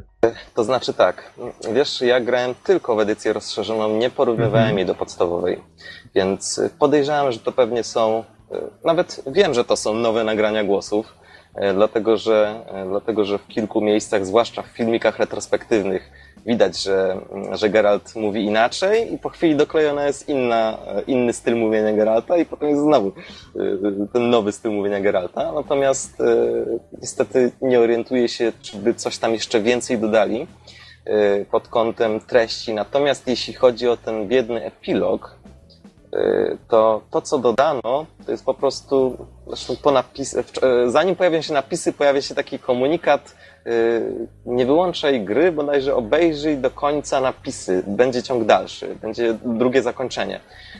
I ja oglądałem te napisy, w końcu się wkurzyłem, kiedy, kiedy wyskoczyła mi z kolei już chyba dziesiąta wersja językowa francuska. Wcisnąłem escape, bo to naprawdę się dłużyło i dłużyło. Yy, ale miałem ambicje, że, żeby wysiedzieć, ale na pewno po prostu odpadłem. Yy, I po prostu okazało się, że, że to, co dodano, to jest trzyminutowy filmik, yy, który w zasadzie fabularnie nie dodaje nic nowego, co, czego już gracz by nie, się nie dowiedział z normalnego zakończenia. Natomiast ten film mógłby być takim trochę teaserem trzeciej części, tyle że moim zdaniem takim no, trochę niezbyt udanym. Mhm. Okej. Czyli, czyli to by było na tyle, jeśli chodzi o fabułę. Natomiast przejdźmy do miąska, czyli do rozgrywki. E, I tutaj jakby w oczy rzuca się oczywiście nowy silnik e, i zupełnie nowa mechanika. E, To znaczy, no, tak jak powiedziałem mm, w recenzji pierwszej, walki były dosyć statyczne. Tam oczywiście animacje były przepiękne, ale postać w większości przypadków po prostu stała w miejscu. Tutaj mamy taką realną walkę. Przepraszam, walkę z przeciwnikami, e, którą my kontrolujemy od A do Z. To znaczy praktycznie każde machnięcie miecza Geralta, każdy jego unik. e, Dosłownie została zrobiona normalna, normalna można powiedzieć, walka. E, I, i tutaj znaczenie mają, ma kilka rzeczy. Po pierwsze, po, położono duży nacisk na różne style walki, w zasadzie no style. Na miecz srebrny i, i stalowy, który oczywiście Geralt dalej posiada. E, Na znaki, e, na mikstury, czyli wzmacnianie się przed walką oraz na pułapki, które można stawiać. To one są stawiane bardzo dynamicznie. Po prostu Geralt tam zatoczy palcem koło i powiedzmy już jest postawiona pułapka. Oraz petardy, e, które można rzucać. One mają różne, różne działanie i można je samemu, samemu konstruować. Oraz także bronie rzucane, jak na przykład sztylety. E, I w zasadzie walki grupowe to jest mieszanka tego wszystkiego. E, I zostało to świetnie wykonane. To znaczy, z jednej strony musimy e, uderzać mieczem. Mamy dwa ciosy, czyli cios lekki lub e, cios ciężki, który jest takim troszeczkę odpowiednikiem, moim zdaniem, troszeczkę stylu grupowego, bo te ciosy ciężkie, chociaż są wolniejsze, są też szersze i mamy szansę na uderzenie kilku przeciwników jednocześnie. Dochodzi taki fakt, że przeciwnicy potrafią blokować ciosy, więc na przykład musimy E, musimy też uważać, żeby zachodzić ich od pleców, albo na przykład e, za pomocą odpowiednich umiejętności kontrować ich ciosy, zanim wyprowadzą atak, albo po prostu je zablokować. Więc innymi słowy, walka jest naprawdę bardzo dynamiczna i wymaga połączenia jakby wszystkich tych składników, czyli zarówno różnego rodzaju mieczy, e, znaków, mikstur, oczywiście wzmocnienia przed walką i wszelakich dodatkowych przedmiotów, jak na przykład pułapki, petardy itd., tak itd. Mhm. Zostało wykonane takie bardzo dosyć wygodne menu. Jeśli przytrzymamy kontrol, ja tu mówię oczywiście z perspektywy PC-a, bo na komputerze osobistym przechodziłem tą grę, wtedy czas zwalnia i wyświetla się nam takie niewielkie menu, w którym możemy na przykład wybrać, którego znaku chcemy używać e, jako aktywny lub e, który rodzaj broni, na przykład tam sztylet czy petarda. To była taka Więc... obrotowa mhm. tarcza, prawda? Tak, można tak powiedzieć. Bo, bo, to jest taki typowy interfejs stworzony pod, pod gałkę analogową. Mhm. Tak, i można powiedzieć, że twórcy na tyle pewnie czuli się jakby no, z tą nową mechaniką walki zresztą słusznie się czuli, dlatego że y, moje skojarzenia troszeczkę, tak dosyć, y, dosyć mgliste były te skojarzenia, ale troszeczkę szły w kierunku Batmana i walk grupowych Batmana. Oczywiście wygląda to trochę inaczej w przypadku Wiedźmina, ale ostatecznie widać było, że powiedzmy, nie wiem, y, uderzę przeciwnika dwa razy ciężkim, y, ciężkim uderzeniem miecza stalowego, robię unik, uderzę drugiego, rzucę sztyletem, rzucę znak po drodze, jeszcze gdzieś zrobię unik, zajdę kogoś od pleców i faktycznie ta walka grupowa naprawdę świetnie, świetnie wygląda i świetnie działa. E, w dodatku mamy różne rodzaje przeciwników, czyli powiedzmy jakieś tam, oczywiście wszelakie potwory, albo na przykład mieczników, e, ludzi z ciężkimi mieczami, jakichś zwykłych bandytów, albo na przykład tarczowników, którzy z kolei e, zmieniają sposób działania, dlatego że kiedy uderzymy w tarczę, to, to cios się odbija, czyli musimy albo przeciwnika na przykład osłabić, ogłuszyć znakiem i dopiero zaatakować, albo zrobić unik i zaatakować od pleców. Czyli innymi słowy, walka jest dosyć dynamiczna, wymaga myślenia taktycznego i wykorzystywania tych wszystkich E, przeróżnych, e, przeróżnych metod, które wymieniłem, żeby osiągnąć sukces. Nie wiem, jakie są. Mhm.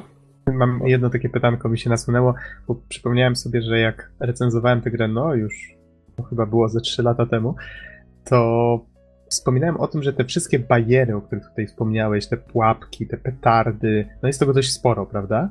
Mhm. W pewnym momencie odniosłem wrażenie, ja nie pamiętam, czy grałem na hardzie, czy tam, nie pamiętam już dokładnie jak się nazywały poziomy trudności, ale chyba zaczynałem od trudniejszych i faktycznie gra była, a może na normalu, bo pamiętam, że była mowa o tym, że jest strasznie przegięty poziom trudności i na początku gra była zdecydowanie za ciężka. O, pamiętam, było coś takiego. Też tak. odniosłeś takie wrażenie? Do poziomu trudności naprawdę też, też warto dodać kilka słów, dlatego że jest on wysoki jest Wiesz, naprawdę może... wysoki. To już może mhm. dokończę tą myśl, bo, okay, okay. w zasadzie reszta jakoś nie będzie kolidować. Tutaj w zasadzie Dobra. mówimy o walce dalej. E, poziom naprawdę jest wysoki. Ja pomyślałem sobie, że kurczę, w jedynce dawałem radę, jakoś tam, może nie byłem jakimś zajebistym Wiedźminem, ale w sumie biegałem, walczyłem, wzmacniałem się miksturami. Myślę, że stwierdziłem, że po prostu wiem, jak to działa i mogę sobie ustawić na poziom trudny. Dlaczego nie? E, no i... Y, hmm, Efekt był taki, że e, co walkę ginąłem, dosłownie. I to, żeby to raz. Po prostu za każdym momentem, kiedy, kiedy po prostu miałem do czynienia z grupą przeciwników, trzech, czterech, ginąłem po prostu. E, wyglądało to tak, że po pierwsze, powiedzmy, Geralt dostał cios w plecy, no bo jednak mimo wszystko trzech przeciwników, e, pierwsze walki, może się to zdarzyć przewraca się. Dostaje 200% y, utraty y, HP-ków, no bo ciosy od plecy są dwa razy silniejsze, o ile sobie y, rozwiniemy pewne umiejętności, które to, które to blokują. Gracz się przewraca. Przeciwnicy podchodzą, uderzą go drugi raz i no i budzisz się z 15% HP-ków. Po czym, jeśli nie będziesz dalej uważać, po chwili zginiesz. Dobra, przełączyłem na normalny. Trochę po lepiej. Po, kilka, e, po kilku próbach przełączyłem na normalny, sytuacja była bardzo podobna. E, w końcu przełączyłem na łatwy. co się dzieje? Jestem na łatwym. Niestety dalej było bardzo trudno.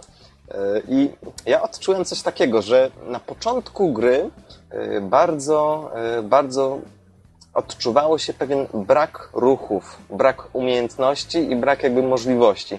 To znaczy, no nie wiem, jeśli jesteśmy mniej więcej w środku gry, to Geralt już ma te ciosy krytyczne i ma znaki, które są troszeczkę lepiej rozwinięte i mogą na przykład ogłuszyć kilka przeciwników naraz. Więc ta walka też jest jakoś wyrównana. Ma, mamy więcej możliwości działania, więcej przedmiotów i faktycznie to zaczyna powoli działać. No i oczywiście, kiedy sobie ulepszymy tą rzecz, że Geralt nie dostaje 200% y, straty HP-ków przy uderzeniach z pleców. Więc to wszystko zaczyna działać gdzieś w środku gry, powiedziałbym. Natomiast na początku jest bardzo trudno i pierwsze, co, mm, pierwsze, co odczułem, to, że Geralt jest strasznie kruchy.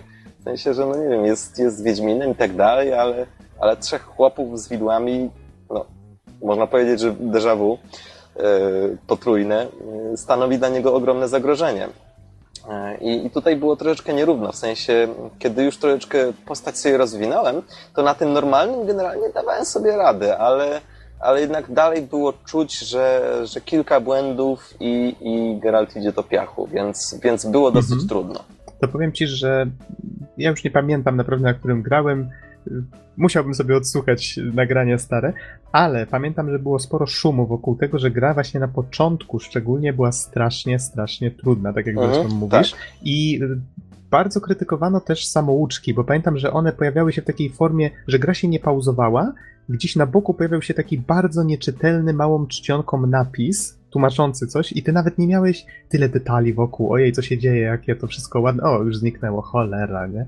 Więc to, to mniej więcej w ten Aha. sposób było. I słyszałem, że to mieli poprawić, mieli przede wszystkim zbalansować lepiej poziom trudności, mieli mm, trochę lepiej zrobić samouczek, czy faktycznie odczułeś, że, znaczy wiem, że nie masz porównania, ale czy odczułeś, że to jest jakoś tak sensowniej zrobione? E, wiesz tak, no przede wszystkim poziom trudności, tak jak powiedziałem, nadal jest dosyć wysoki i nawet mm -hmm. na, na powiedzmy na normalnym, z rozwiniętą postacią nadal trzeba na siebie uważać.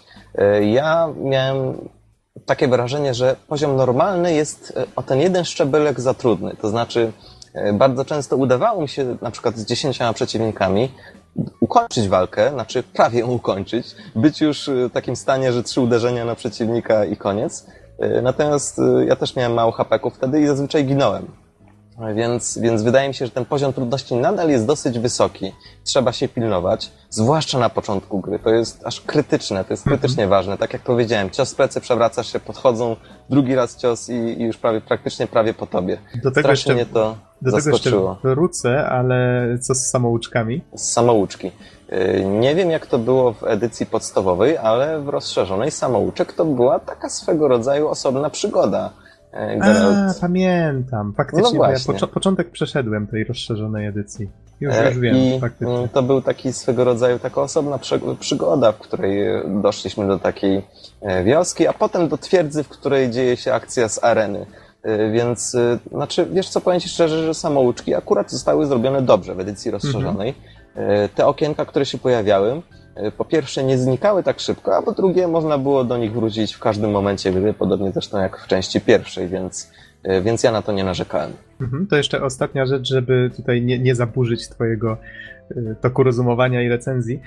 Czy nie odniosłeś wrażenia, bo ja właśnie od czego zacząłem całą tą rozmowę o poziomie trudności, chciałem wspomnieć o tym, że mnie się wydało, że na początku, tutaj powiedzmy ten pierwszy rozdział w lesie, co nie? Czy to był swego rodzaju samouczek? To nawet nie był początek przygody. Początek przygody znaczy, nie, nie, zaczyna się mi, w obozie po, po, Foltesta. Po, po, prologu. Chodzi mi już po akcji w zamku. Aha, tak, czyli y, we Flotsam, mówiąc tak, krótko. W tak, pierwszej dokładnie. miejscowości, mhm. kiedy już Geralt jest na wolności i próbuje dorwać królobójców. Pierwszy akt, zgadza się. Pamiętam, że tam gra jeszcze była no, dość trudna. Wychodzenie z tego Flotsam kosztowało mnie czasami e, sporo nerwów na zasadzie hit and run, tak samo jak cały prolog musiałem zresztą przejść, czyli że musiałem faktycznie nauczyć się, że Geralt nie jest już takim koksem jak pod koniec jedynki, że siekał wszystko, y, co się ruszało. Y, I tam faktycznie musiałem się nauczyć, że okay, mam pułapki, mam petardy. Super, muszę z tego wszystkiego korzystać, żeby przeżyć. I na początku faktycznie tak było. A z czasem okazało się, że no, coraz mniej musiałem wykorzystywać te dodatkowe rzeczy. W pewnym momencie stwierdziłem, że one są zupełnie zbędne, żeby w tę grę grać, a z czasem wręcz stwierdziłem, że kolejni bossowie, na przykład, którzy się pojawiali, już są jakby tacy albo prości, albo mniej yy, może. No, pierwszy boss faktycznie zrobił na mnie wrażenie. Kolejni już jakby, jakby mniej. Tak odnosiłem wrażenie, że im dalej w las, tym to wszystko staje się trochę prostsze, może troszeczkę mniej zbalansowane, trochę za łatwe może nawet. Mhm. Odniosłeś takie wrażenie? sobie stworzyłeś po prostu, wiesz, pod siebie. Może, może. Może po Jesteś prostu graczem Dark się... Souls, więc Hej! ty jesteś No, zupełnie in, inną grupą docelową, ale Mo, może tak Odpowiadając- być, że nauczyłem Mhm. się po prostu grać w pewien sposób i dlatego było mi za łatwo w pewnym momencie, tak Znaczy, mogło być, ale odniosłem co, wrażenie, mhm. że wiele tych dodatków, w sensie tych petard i tak dalej, zostało dodane w sumie e, niepotrzebnie. Znaczy, może inaczej to ujmę. Jak się gra na przykład w Zeldę, tak wiem, że trochę odbiegam od tematu, ale gramy na przykład w Zeldę. Tam game design jest tak skonstruowany, że zachęca gracza do tego, a wręcz zmusza go, żeby nauczył się, jak konkretne umiejętności i konkretne rzeczy w ekwipunku działają, żeby wykorzystywać ich na przykład do walki z bossem. Czyli na przykład nie pokonasz danego bossa, jeżeli nie rozwiążesz jakiejś takiej prostej łamigłówki, czyli tu musisz go potraktować bombą, a tutaj w ten sposób. Z kolei tutaj, z tego co pamiętam, mieliśmy te wszystkie petardy, pułapki, ale one bardzo szybko, one były opcją. Nigdzie nie było na przykład powiedziane, że tego przeciwnika musisz potraktować czymś takim i wtedy na przykład będziesz w stanie go ogłuszyć, co dopiero pozwoli ci go zabić. Ja myślę, że to jest taki troszeczkę lepszy game design, bo on motywuje cię do tego, żeby odkrywać te kolejne e, te, te kolejne rozwiązania i motywuje cię do tego, żeby korzystać z pełni możliwości, bo ja w pewnym momencie po prostu zapomniałem o tym, że część z tych rzeczy mam, bo nie były mi potrzebne. wiesz, to powiem ci, jak to było w tym przypadku. E, Ja od samego początku, Noxu, jesteś tam? Czy zniknąłeś? Tak, tak, tak, jestem wszystko. E, Dobra, ja od samego początku nie za bardzo interesowałem się ani petardami, ani sztyletami, ani pułapkami. W zasadzie z pułapek w ogóle nie korzystałem. Mhm. Natomiast e, jednak mimo wszystko czułem, że po drodze lepiej mieć jeden czy dwa takie przedmioty. Natomiast, e, natomiast szybko ściąłem się na tym, że powiedzmy rzucenie takiej wybuchowej bomby tak naprawdę niewiele daje. Przeciwnik no, straci trochę hapeków, zostanie na chwilę ogłuszony, ale biorąc pod uwagę fakt, że na, nawet na poziomie normalnym trzeba było bardzo uważać, e, i, do którego przeciwnika podchodzimy, z której strony i w zasadzie jakby troszeczkę celować swoje, swoimi ciosami, to mm, ogłuszenie grupy przeciwników na 3 sekundy niewiele dawało. Y, Więc y, odczułem wrażenie, że w porównaniu jeszcze z czasem, jaki powiedzmy zajmuje Geraltowi wyjęcie sztyletu i rzucenie nim, albo rzucenie petardy, y, te przedmioty były mm, bardzo rzadko przeze mnie wykorzystywane i w zasadzie później w ogóle z nich nie korzystałem. Mhm. Czyli poniekąd zgadzasz się, że mogło to być zrobione Zgadzam lepiej. się z tobą zupełnie. No, okej. Gdyby były mocniejsze, gdyby dawały więcej, to wtedy faktycznie może, może lepiej byłoby. Natomiast wydaje mi się, że późniejsze e, etapy walki, czy późniejsze walki to po prostu dwa miecze, różne ciosy plus znaki. Przynajmniej ja tak grałem. Tak to wyglądało w moim, Mhm. e, w moim wykonaniu. Oczywiście jeszcze zioła e, i mikstury, które były też konieczne. I tutaj kolejna sprawa, która troszeczkę mnie uderzyła. To znaczy, po pierwsze, w jedynce przede wszystkim mieliśmy dużo, dużo miejsc do eksploracji. W dwójce także, ale zauważyłem, że mm, te zioła troszeczkę pojawiają się po drodze. To znaczy w jedynce ja bardzo miałem, mm, bardzo często miałem takie odczucie, że musiałem pójść trochę kawałek dalej, e, żeby jakieś zioło zebrać, żeby no, powiedzmy zrobić taką małą wyprawę po zioła e, i się przygotować do walki. Natomiast tutaj wydaje mi się, że wiele miejsc fabularnych, które po drodze się wydarzały, były dosłownie, mm, były dosłownie naszprycowane e, różnymi ziołami, które zbieraliśmy, zbieraliśmy po drodze. E, I ostatecznie niewiele, e, niewiele nawet e, przykładając wagi do tego, co to są za zioła, ostatecznie w większości przypadków miałem, miałem naprawdę materiałów na wiele mikstur, które mogłem potem użyć e, w walce. Kolejna sprawa to taka, że mikstury działają znacznie krócej niż w jedynce. To znaczy, w jedynce jeśli miałeś trzy jaskółki, czyli e, mikstury regenerujące, no to wiedziałeś, że to jest bardzo dużo, bo po wypiciu jednej takiej po prostu działa ona 8 godzin w grze. E, 8 growych godzin. Więc po prostu starczy na taką jedną dużą wyprawę. Natomiast E, W dwójce mikstury początkowo działają zaledwie 10 minut i ja bardzo często ściąłem się na tym, że wchodząc w jakieś powiedzmy niebezpieczne miejsce, które właśnie, które właśnie, do którego była potrzebna ta mikstura, okazało się, że zanim doszedłem na sam jej koniec, to już było powiedzmy, zostały tylko dwie albo trzy minuty mikstury. E, I po prostu troszeczkę mnie to mm, rozczarowało, dlatego że wręcz trzeba było biec, żeby, żeby mikstura się nie wyczerpała i żeby dalej można było korzystać z jej, z jej właściwości. Oczywiście potem grze można trochę przedłużyć ten czas, ale jednak mimo wszystko wydaje mi się, że to troszeczkę poszło w arcade, co mnie nieco zaniepokoiło. Naprawdę nie mam nic przeciwko 8-godzinnemu efektowi jaskółki. nie wiem, co ty sądzisz o tym, Gera- e, Geralt. Geralt, oho, ja kurczę, No. jakie wyróżnienie. Awansowałeś, no, no Geralt, Słuchajcie, co panowie. powiesz? Ja, ja uciekam. Mhm. Kończcie sobie spokojnie podcast i, i do usłyszenia następnym razem. Dobrze, dziękujemy Ci za udział, Bizonie. No, Trzymaj trzymaj, się. się, Bizon. Na razie. E, To w takim razie e, kontynuując, powtórz pytanie, proszę. Co sądzisz o czasie działania mikstur, który został Aha. skrócony dosyć Po- krytycznie powiem- moim zdaniem? Powiem Ci, że ciężko mi się wypowiedzieć, bo ja to faktycznie grałem ze 3 lata temu, więc powstrzymam się od komentarza. Powiem jedynie, że e, ja też pamiętam, że o, te, też odczułem tą arcade'owość, to, że gra była bardziej zręcznościowa niż RPGowa, znaczy tutaj mówię głównie o walce, prawda? Mnie się to osobiście podobało, bo ja lubię takie gry oparte bardziej na zręczności. Wolę, jeżeli mam wpływ powiedzmy na jakiś blok, na unik, jeżeli widzę, że to ma wpływ na, na, na to, co się dzieje, niż na przykład taką akcję w stylu Baldur's Gate, że okej, klikam tą postacią na tą, one tam sobie machają tymi mieczami i te cyferki tam sobie kiedyś rzucą kostką, że one się trafią. To ja wolę taki bardziej zręcznościowy Mhm, system. wiesz, Nox, ja generalnie nie mam nic Mhm. przeciwko tej walce, bo jest naprawdę świetnie wykonana tam z tymi pewnymi e, potknięciami, jeśli chodzi o trudność. Natomiast właśnie troszeczkę, mm, troszeczkę uderzyło mnie to właśnie ten krótki czas działania mikstur, który jakby trochę narzuca takie szybkie tempo rozgrywki. Który po prostu musisz iść dalej, bo za dwie minuty ci się skończy mikstura, prawda? to, to nie jest trochę tak, jak wcześniej wspominałeś, że jest więcej ziół, więcej e, E, dobra. E, mikstur.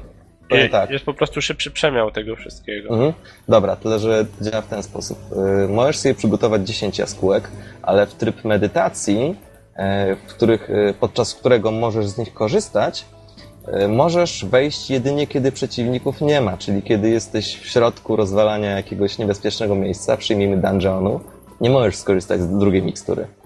Y, Więc y, utrudnia to trochę sprawę i musisz gonić do przodu. Ja na przykład miałem taką sytuację, w której widziałem, że będzie potężny boss, więc stwierdziłem, dobra, jestem, nie jestem głupi, nie jestem w ciemię bity, przygotuję się. Wypiłem kilka ważnych mikstur. E, Rozmowa z tym przeciwnikiem trwała tak długo, że e, wszystkie te mikstury straciły swoje działanie. Okej. Trololololololol. Ej, ale słuchaj, no, przeciwnik zadziałał strategicznie, zagadał cię po prostu, a ty się dałeś. No, no widzisz, niestety. E, Ale, ale właśnie to mnie trochę boli, w sensie, że mm, w sensie, kiedy, mm, kiedy się wzięło miksturę, jakąś wypiło w jedynce, jakby miało się poczucie tej pewnej realności. W sensie ona działa 8 godzin i jest spokój, nie? Wziąłeś to ją i musisz się liczyć z pewną toksycznością, ale ona działa faktycznie te 8 growych godzin i, i, i jest to jakby troszeczkę, podchodzi trochę pod symulację. Natomiast tutaj 10 minut, tak? Więc, y, Mhm. więc to narzuciło ten, ten dosyć y, szybki, e, szybki gameplay momentami, No tak, trochę co, coś, sobie przypo, coś sobie przypominam, były takie kółeczka pokazujące efekty i, i taki jakby odliczający zegar, tak? Ale toksyczność nadal była zachowana, to był Mhm. Tak, fajny, była toksyczność, to było świetne. fajny element. Dobra, kolejna rzecz, która była tylko poruszona w jedynce, w dwójce została całkowicie, mm, A, całkowicie je- rozwinięta. Jeszcze, jeszcze jedna kwestia, przypomnij Mhm. mi, nie było już y, mikstury kod. A nie, była, Była, miała, była, inny, miała inny efekt. Y, Dalej widziałeś w ciemności, ale widziałeś też przez ściany. I, I pamiętam, że widziało się postacie w taką, z taką poświatą, jakbyś widział y, Y, Żyły wewnątrz. Tak, tak. I tętnice. Pamię- Pamiętam, że jakoś tak to zapamiętałem, bo stwierdziłem, że brakowało mi trochę tego rozwiązania z jedynki, że jak wszedłeś w ciemne miejsce bez tego kota, to właściwie nie było widać kompletnie nic. Słucha, zrezygnowali z tego, Mhm. może źle pamiętam. No w każdym razie, e, tak jak powiedziałem, jeśli chodzi o mikstury, to trochę mnie to uderzyło. Mhm. Natomiast, e, natomiast do, do, autorzy dodali jeszcze inne ciekawe efekty, które jedynce, tak jak powiedziałem, praktycznie zostały jedynie poruszone, jakby wspomniane. E, Po pierwsze stroje. Różne zbroje, różne, różne rękawice, różne spodnie. Uczesania. Nawet uczesania, ale, ale głównie stroje, które miały zresztą także swoje różne właściwości. Yy, na przykład obrona przed krwawieniem, obrona przed magią, wzmocnienie magii i tak dalej, i tak dalej. Co troszeczkę mnie, troszeczkę mnie zadziwiło, dlatego że, no nie wiem, yy, ubranie odpowiednich portków i już plus pięć do znaków. Bardzo dobrze. Yy, Trochę mnie to zadziwiło, ale na dobrą sprawę to takie typowo RPGowe podejście, że im lepszy ekwipunek, tym lepsze właściwości bohatera. To samo się działo z, z mieczami. Praktycznie gra cały czas jakby narzucała, e, narzucała pewną konieczność zmieniania mieczy na lepsze i także zbroi. Podrzucano na przykład e, pewne, e, pewne schematy. Trzeba było uzbierać składniki, pójść do jakiegoś kowala w mieście albo w jakimś innym miejscu. On mógł tą broń wykonać. Także mógł wykonać miecze. Także miecze i zbroje kilka razy w ciągu gry zmieniałem. I w sumie to trochę mnie zdziwiło, no bo, no nie wiem, Geralt ma swoje dwa miecze i na nich polega, a tutaj normalnie szastałem nimi jak, e, jak jakiś bogacz. E, I najczęściej kończyło się to tak, że stary miecz musiałem wyrzucić, bo Geralt był już przeciążony, e, a, a do jakiegoś handlarza było daleko lub po prostu się nie opłacało. Inna rzecz ciekawa. Oczywiście m, duży nacisk położyłem na to, że fabuła goni nas do przodu, że musimy ścigać królobójców i tak dalej, ale to wcale nie zmienia faktu, że Geralt jest Wiedźminem i jeśli zatrzyma się już na przykład we Flotsam, to może spróbować rozwiązać e, problemy ludzi e, w tej miejscowości, więc e, na przykład wziąć jakieś ogłoszenie e, i jakieś zlecenie na na przykład zniszczenie siedliska potworów, czy jakieś inne E, Innymi słowy, możemy zwiedzać e, różne lasy, kaniony, czy nawet wręcz miasta. Ogarnięty lub nieogarnięty wojną, to można wybrać sobie nawet wręcz. E, Natomiast e, cały czas czuć, e, w przeciwieństwie do pierwszej części, że, że to jest tylko jakby tymczasowy postój, że wciąż trzeba iść dalej e, i że nie ma wiele czasu na, na duperele e, i te dodatkowe questy, chociaż występują i możemy je sobie swobodnie robić, to jednak mimo wszystko główny cel nigdy nie znika nam z oczu, co jest moim zdaniem e, bardzo dobrą cechą, zwłaszcza, że na przykład, nie wiem, w pierwszej części, e, w czwartym akcie, kiedy Geralt zostaje zupełnie wyrzucony poza obieg e, głównej fabuły, nagle zaczyna rozwiązywać e, problemy typu Celina, siostra Aliny jest bardzo zazdrosna względem swojej siostry, że ta ma lepszego męża, bogatego kupca i no właśnie. Tego typu rzeczy uznałem za zapychacze czasu, chociaż to świetne nawiązanie do balladyny, nawiasem mówiąc. Mhm. E, Innymi słowy, tak jak powiedziałem, jest dużo terenów do eksploracji, ale, ale czuć, że Geralt jest w drodze. E, Są także urozmaicenia, które, mm, które troszeczkę zmodyfikowano z jedynki, na przykład kościany poker, którego ciągle możemy grać z przeróżnymi postaciami i jakby rozwijać się w swoich umiejętnościach, albo na przykład siłowanie się na rękę, czy wręcz turnieje rycerskie, które także w pewnym miejscu można toczyć. Dobra, jeśli nie macie jakichś pytań lub uwag do rozgrywki, Pamiętam, że tam już- jeszcze w, Mhm. w edycji rozszerzonej dodano chyba ten tryb areny, tak? O którym już wspomniałeś jednym słowem. Mhm. Może faktycznie powinienem rozwinąć to troszeczkę. E, Jest to ciekawa sprawa. Otóż właśnie w samouczku Geralt e, dociera do tej twierdzy, na której toczą się takie walki. I to polega mniej więcej na tym, że najpierw się ekwipujesz, potem mm, wkraczasz na arenę, no i jeśli nie zginiesz, grasz dalej. Oczywiście, e, oczywiście fabularnie wygląda to trochę inaczej.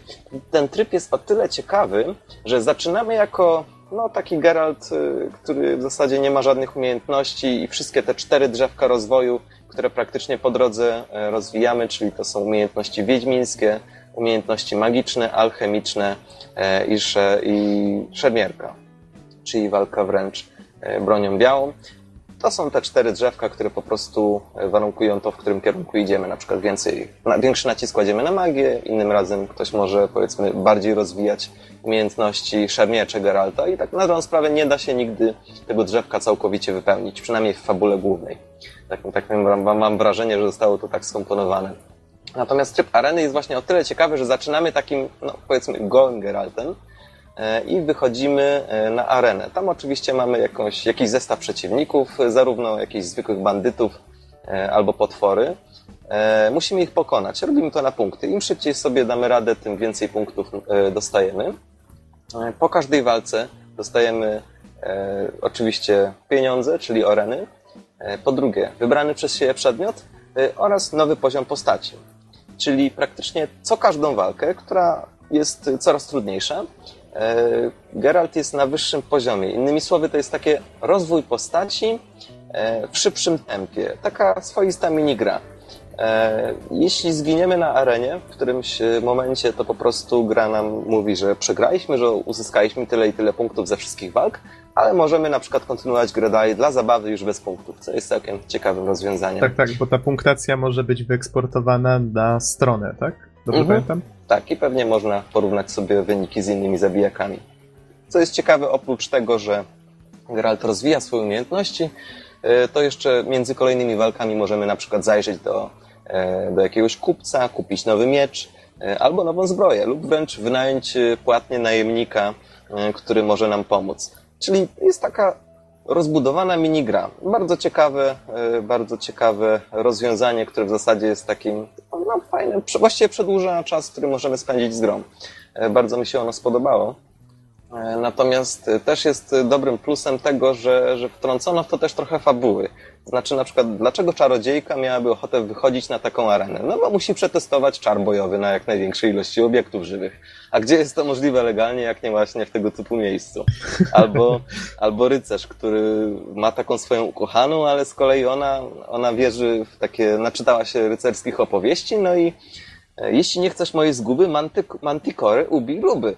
E, Biedny bohater musi wyjść na arenę, żeby zabić potwora, a z drugiej strony ojciec jego, uko, jego ukochanej e, wprawdzie nie wierzy w tego typu bajdy o rycerzach, wierzy natomiast w moc pieniędzy i też musi zdobyć kilka, e, kilka orenów, żeby przy, przypodobać się ojcu ukochanej. Także mm, te wszystkie jakieś smaczki fabularne także zostały dodane, co czyni z tego faktycznie dosyć ciekawą minigrę, w którą można grać i grać. Ja nie wiem, ile tych walk jest, ale ostatecznie podejrzewam, że, że całkiem sporo, że to można naprawdę sporo czasu przy tym spędzić. Troszeczkę zraziło mnie to, że w tym trybie nie ma trybu zapisu gry.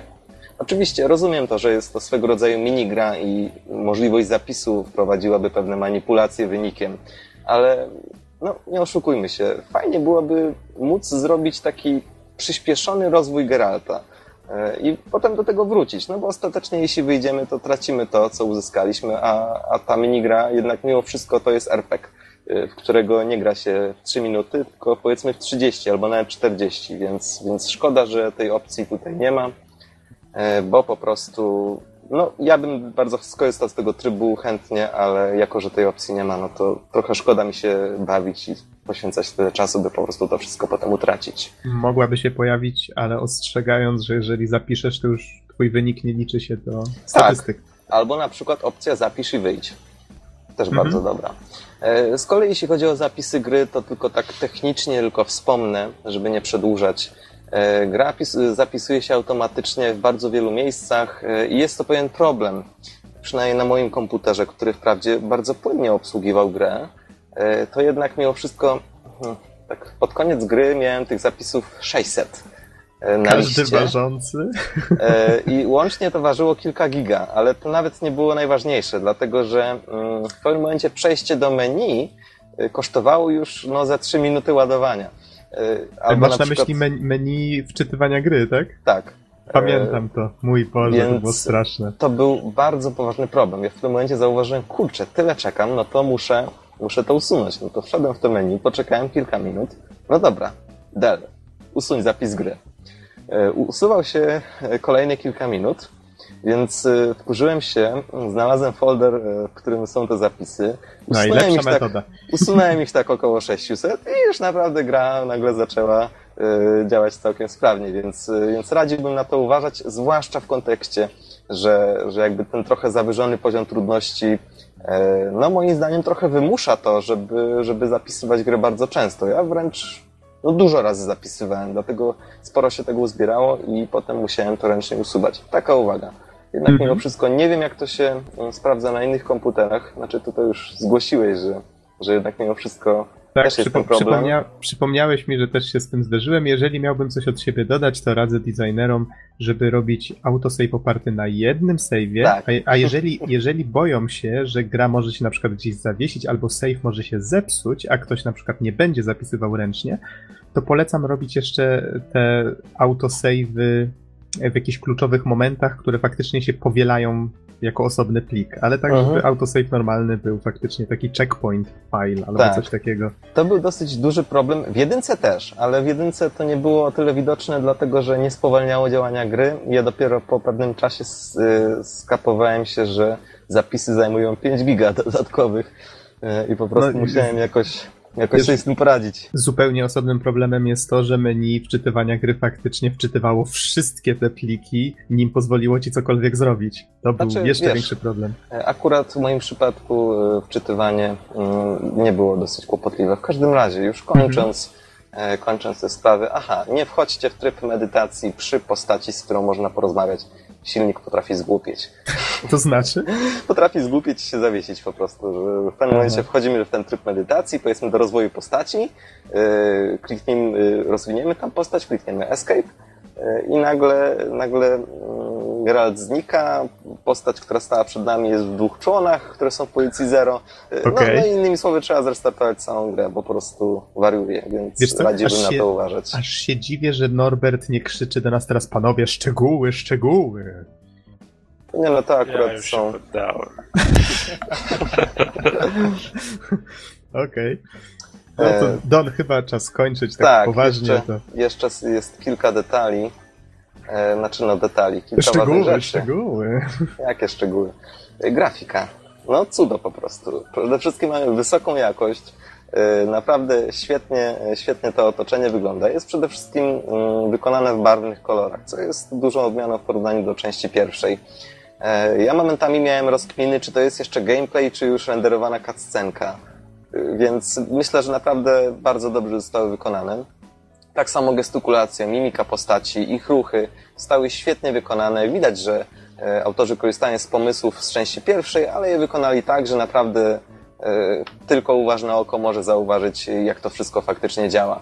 Przerywniki filmowe także są świetne, są bardzo dynamiczne i widać, że maczali w nich palce prawdziwi filmowcy, gdyż to wszystko zostało bardzo dynamicznie i bardzo sprawnie pokazane w porównaniu do części pierwszej, w której no, trzeba było nieraz użyć po prostu wyobraźni e, żeby powiedzmy zobaczyć y, kilku przyjaciół, którzy siedzą przy stole i piją. Wszyscy jak w, stali. grach, i- jak w grach tekstowych. No tak, właśnie. Wszyscy stali i wykonywali tą jedną animację picia. Y, Dobra, jeśli chodzi o muzykę. W jedynce, no, przepraszam, że tak porównuję i, i to jest może trochę irytujące. W jedynce to w jedynce to, ale myślę, że, że w kontekście pierwszej części to jest dosyć istotne, bo, bo w jedynce Niech zgadnę, chcesz powiedzieć o grze w kości. E, Nie, nie chcę mówić o grzewkości, bo to jest Okej. zbędny detal. Aczkolwiek Okej. została trochę źle zrobiona. No. W każdym razie muzyka w pierwszej części, tak jak powiedziałem, stanowiła swoiste połączenie fantazy, folku i słowiańskich klimatów. To tworzyło taki naprawdę niesamowity, e, unikalny klimat. Natomiast e, w drugiej części mamy fantazy, no i w sumie to tyle. Z elementami folku. Moim zdaniem jakby poszli tutaj w tą to jest coś, o czym wspomniałem już w swoich pierwszych wrażeniach. Poszli w tą, powiedzmy, międzynarodowość fantazji, które ma się przyjąć i zrezygnowali z folku, który tylko momentami się pojawia, e, a już zupełnie słowiańskich klimatów praktycznie nie zauważyłem. Jeśli gdzieś tam prześwitywały, to po prostu umknęły mojej uwadze. Jeśli chodzi o, już o klimat, czyli podsumowując, e, i, i powoli przechodzę do drugiego problemu, który będzie który ujawni się po prostu w podsumowaniu. Przede wszystkim mamy, jeśli chodzi o klimat, bardzo dynamiczny świat, który ma politykę własną, która się toczy, bardzo dużą zresztą, wielką politykę, zmiany tery- terytorialne, intrygi. E, Geralt, który wciąż, ciągle jest w podróży. E, Natomiast z drugiej strony przyszło mi trochę na myśl, że Geralt to taki trochę nie, nie Geralt. W sensie, no nie wiem, na przykład medalion, który dawniej, czyli w pierwszej części odgrywał znaczącą rolę, tutaj został całkowicie e, zapchnięty jakby ze swojej tej najważniejszej roli, czyli drgania w postaci zagrożenia. Zresztą w pierwszej części wykorzystano to także e, w momentach fabularnych, kiedy jakaś postać była nieprzyjazna, my wchodzimy do jakiegoś budynku, są trzy postaci, które się na nas patrzą, a medalion drży jak szalony co tu się dzieje, nie? Natomiast, natomiast tutaj zostało to całkowicie zignorowane. Tam jest jakiś efekt graficzny, który pokazuje, że, że ten medalion niby jakoś reaguje, ale, ale w ogóle to zostało jakby pominięte, zrzucone na margines. Pamiętam, że ten efekt strasznie mi się skojarzył z Heavy Rainem, bo tam był bohater, który miał taką rękawicę i to polegało na tym, że on ją uaktywniał i taki okrąg się od postaci odchodził i zaznaczał różne obiekty, które można było. Tutaj identycznie to wygląda. Mhm. Też Czy wiesz, to interaktywne zaznaczanie elementy. obiektów to też jest swoim drogą takie trochę arcade'owanie, dlatego że ja tego w Aha. ogóle nie używałem. Nie, nie było to potrzebne, dlatego że ważne przedmioty i tak zostały zaznaczone wyraźnie dosyć. Natomiast Mhm. druga rzecz, y, która jakby, tw- y, która jest za tezą, że Geralt to nie Geralt, to znaczy zmiany mieczy. W pierwszej części ja po prostu miałem dwa miecze, które miałem przez całą grę. Ewentualnie je przekułem, mm, wrzuciłem do, nie ulepszenia, do nich ulepszenia, no i już. Natomiast tutaj ciągle je zmieniamy. Yy, Poza tym ruchy Geralta w walce są standardowe. To znaczy, moim zdaniem, mm, tego typu ruchy machnięcia mieczem mógłby wykonać ktokolwiek. Yy, Mając yy, w, swojej, jakby w swoim dorobku wiele obejrzanych filmów, czy to fantasy, czy, czy science fiction, w których różne postaci machają mieczami lub mieczopodobnymi przedmiotami, to ruchy Geralta nie są niczym wyjątkowym. To znaczy, jakby wstawić Ezia z Assassin's Creed, ja myślę, że to byłoby dosyć podobne. Znaczy, ja w tą grę nie grałem, ale, ale wydaje mi się, że jakby e, unikatowość e, wiedźmińskiego stylu walki została zatracona. Oczywiście ja rozumiem, że inaczej jest wykonywać gotowe animacje, a inaczej zrobić jakby system walki, który jest w pełni kontrolowany przez gracza. Ale, ale jakby w pierwszej części wytworzono taki nietypowy, niezwykły system walki wiedźmińskiej, to znaczy Geralt wykonywał takie kocie ruchy, można było robić piruety, jednak mimo wszystko to było rzucające się w oczy i unikatowe, natomiast tutaj wydaje mi się, że tak machać mieczem mógłby ktokolwiek. E, Natomiast e, inna Machasz rzecz... bać pan tym mieczem jak cepem. Cepem, no właśnie. E, Inna rzecz, na przykład charakterystyczne wyjmowanie miecza, który w pierwszej części wyskakiwał, wręcz z pochwy, to było charakterystyczne zwłaszcza, e, zwłaszcza ze względu na przykład na książkę, w której to też zostało mocno podkreślone. E, Te wszystkie detale, one paradoksalnie, one niby nie są ważne, natomiast wydaje mi się, że Geralt, chociaż nadal jest dosyć charakterystyczną postacią, nadal jest białowłosym z dwoma, z dwoma mieczami, którego nie da się z nikim pomylić, wydaje mi się, że został wsadzony w takie, można powiedzieć, ramy ogólnonarodowego fantazy. I, I tym samym jego takie cechy specyficzne, cechy takie unikatowe, yy, zostały okrojone. On po prostu jest yy, gościem, który z jednej strony walczy mieczem i z drugiej strony używa magii. I w zasadzie to moim zdaniem niewiele go różni od wielu innych postaci, które już w fantastyce e, funkcjonują. To jest drugi mój ważny problem, jeśli chodzi o tą grę. E, Wydaje mi się, że postać stworzona w jedynce była całkowicie unikatowa. No, sam, sama postać Wiedźmina jest całkowicie unikatowa i zupełnie e, indywidualna. Natomiast tutaj mm, poprzez te pewne okrojenia mm, stał się bardziej standardowy. Jakby bardziej, bardziej przyswajalny i bardziej wpisywalny w pewne ramy. E, No cóż, to jest mój drugi problem. Pierwszy problem już nakreśliłem. Natomiast przechodząc już do końca recenzji, gra trwa 25 godzin. Moim zdaniem jest to dosyć krótko. E, Może nawet nie ze względu na to, że 25 godzin to mało, ale mm, kiedy ja byłem już pod koniec gry, kiedy zostało mi 3-4 godziny, ja myślałem, że jestem dopiero w dwóch trzecich. I to naprawdę strasznie się zawiodłem, dlatego że miałem schematy zbroi, które chciałem wykuć, no to myślę sobie, pokonam tego bossa i wykuję tą zbroję. Nie zdążyłem. Yy, Tak, więc, to, więc to, po jest, prostu to jest też to, to wytykane mnie często. zaskoczyło, to mnie bardzo zaskoczyło. Mhm. E, no już myślę, że, że nie, ma co, nie ma co się powtarzać dalej, bo, bo po prostu bym jakby powtarzał ciągle te tezy, które już, już wcześniej wyłożyłem. Innymi Mhm. słowy, gra jest bardzo dynamiczna, razem z dynamicznie opowiedzianą historią w stylu Sapkowskiego, no aż za bardzo, bo powtórzeniem książki ostatecznie. E, natomiast e, fabuła jest, e, no tak jak powiedziałem, bardzo dobra. Styl walki, chociaż, tro, e, walka, chociaż trochę za trudna, to jednak mimo wszystko potrafi wciągnąć i, i naprawdę wczułem się w to, że, że mogę faktycznie pokierować tym Geraltem. E, tak samo mamy wiele rzeczy do zrobienia, ale, ale ciągle fabularnie mamy ten cel, do którego dążymy. Poza tym, tak jak powiedziałem, Geralt został trochę spłaszczony, e, no i, i, i zrównany z innymi bohaterami, co mnie osobiście za, zabolało, bo została jakby trochę zabita jego unikatowość.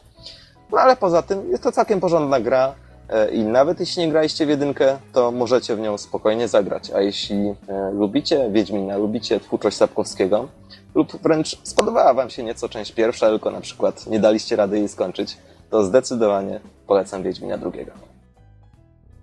Mhm. No, ciekaw byłem właśnie twojego zdania, ale widzę, że bardzo zadowolony jesteś. Ostatecznie tak. Mhm. A powiedz teraz, czekasz na trójkę w takim bądź razie? No, ja myślę, że chcąc nie chcąc muszę czekać, bo, bo w końcu muszę się dowiedzieć, co się stanie dalej. Mam nadzieję, że, że jednak się mylę i że część trzecia będzie, będzie no, bardziej oryginalną kontynuacją e, przygód. Mam pewne obawy, ale, ale mam nadzieję, że będzie dobrze i no i czekamy. Te- Teraz ten nacisk będzie bardziej położony na otwarty świat, prawda? Jestem ciekaw Mhm. właśnie, jak uda im się z taką gracją, jak do tej pory to robili, prowadzić historię taką ciekawą w otwartym świecie. Mhm. No to, to może być problem, no ale twierdzą, Zobaczymy. twierdzą, Pożyjemy, że mają- zobaczymy. Twierd- twierdzą, że mają na to jakiś sposób. A wiesz, a z tym zakończeniem to tak chciałem tylko dodać, że to też był krytykowany często powód, bo jest tu pewna taka brak balansu. Y, Wstęp do gry, w sensie prolog, trwa, no nie wiem ile on tam trwał, dwie godziny? Dość długi był w Mhm. każdym razie. A końcówka, tak jak mówisz, ciach i koniec. I to, to, trochę to było takie. No, w, I tylko, jeszcze, I tylko jeszcze głos bohatera niezależnego proponującego nam wódki jest takim, można powiedzieć, trochę komentarzem dla rozgoryczonych graczy. A mnie się, pod, mnie się podobała wiadomość od Talara. To jest coś, co do Tak. dzisiaj pamiętam. Tak, były, pe były pewne nawiązania do części pierwszej. Talar zniszczył system. Dobrze, panowie, myślę, że możemy już kończyć, tak? Tak, zdecydowanie tak.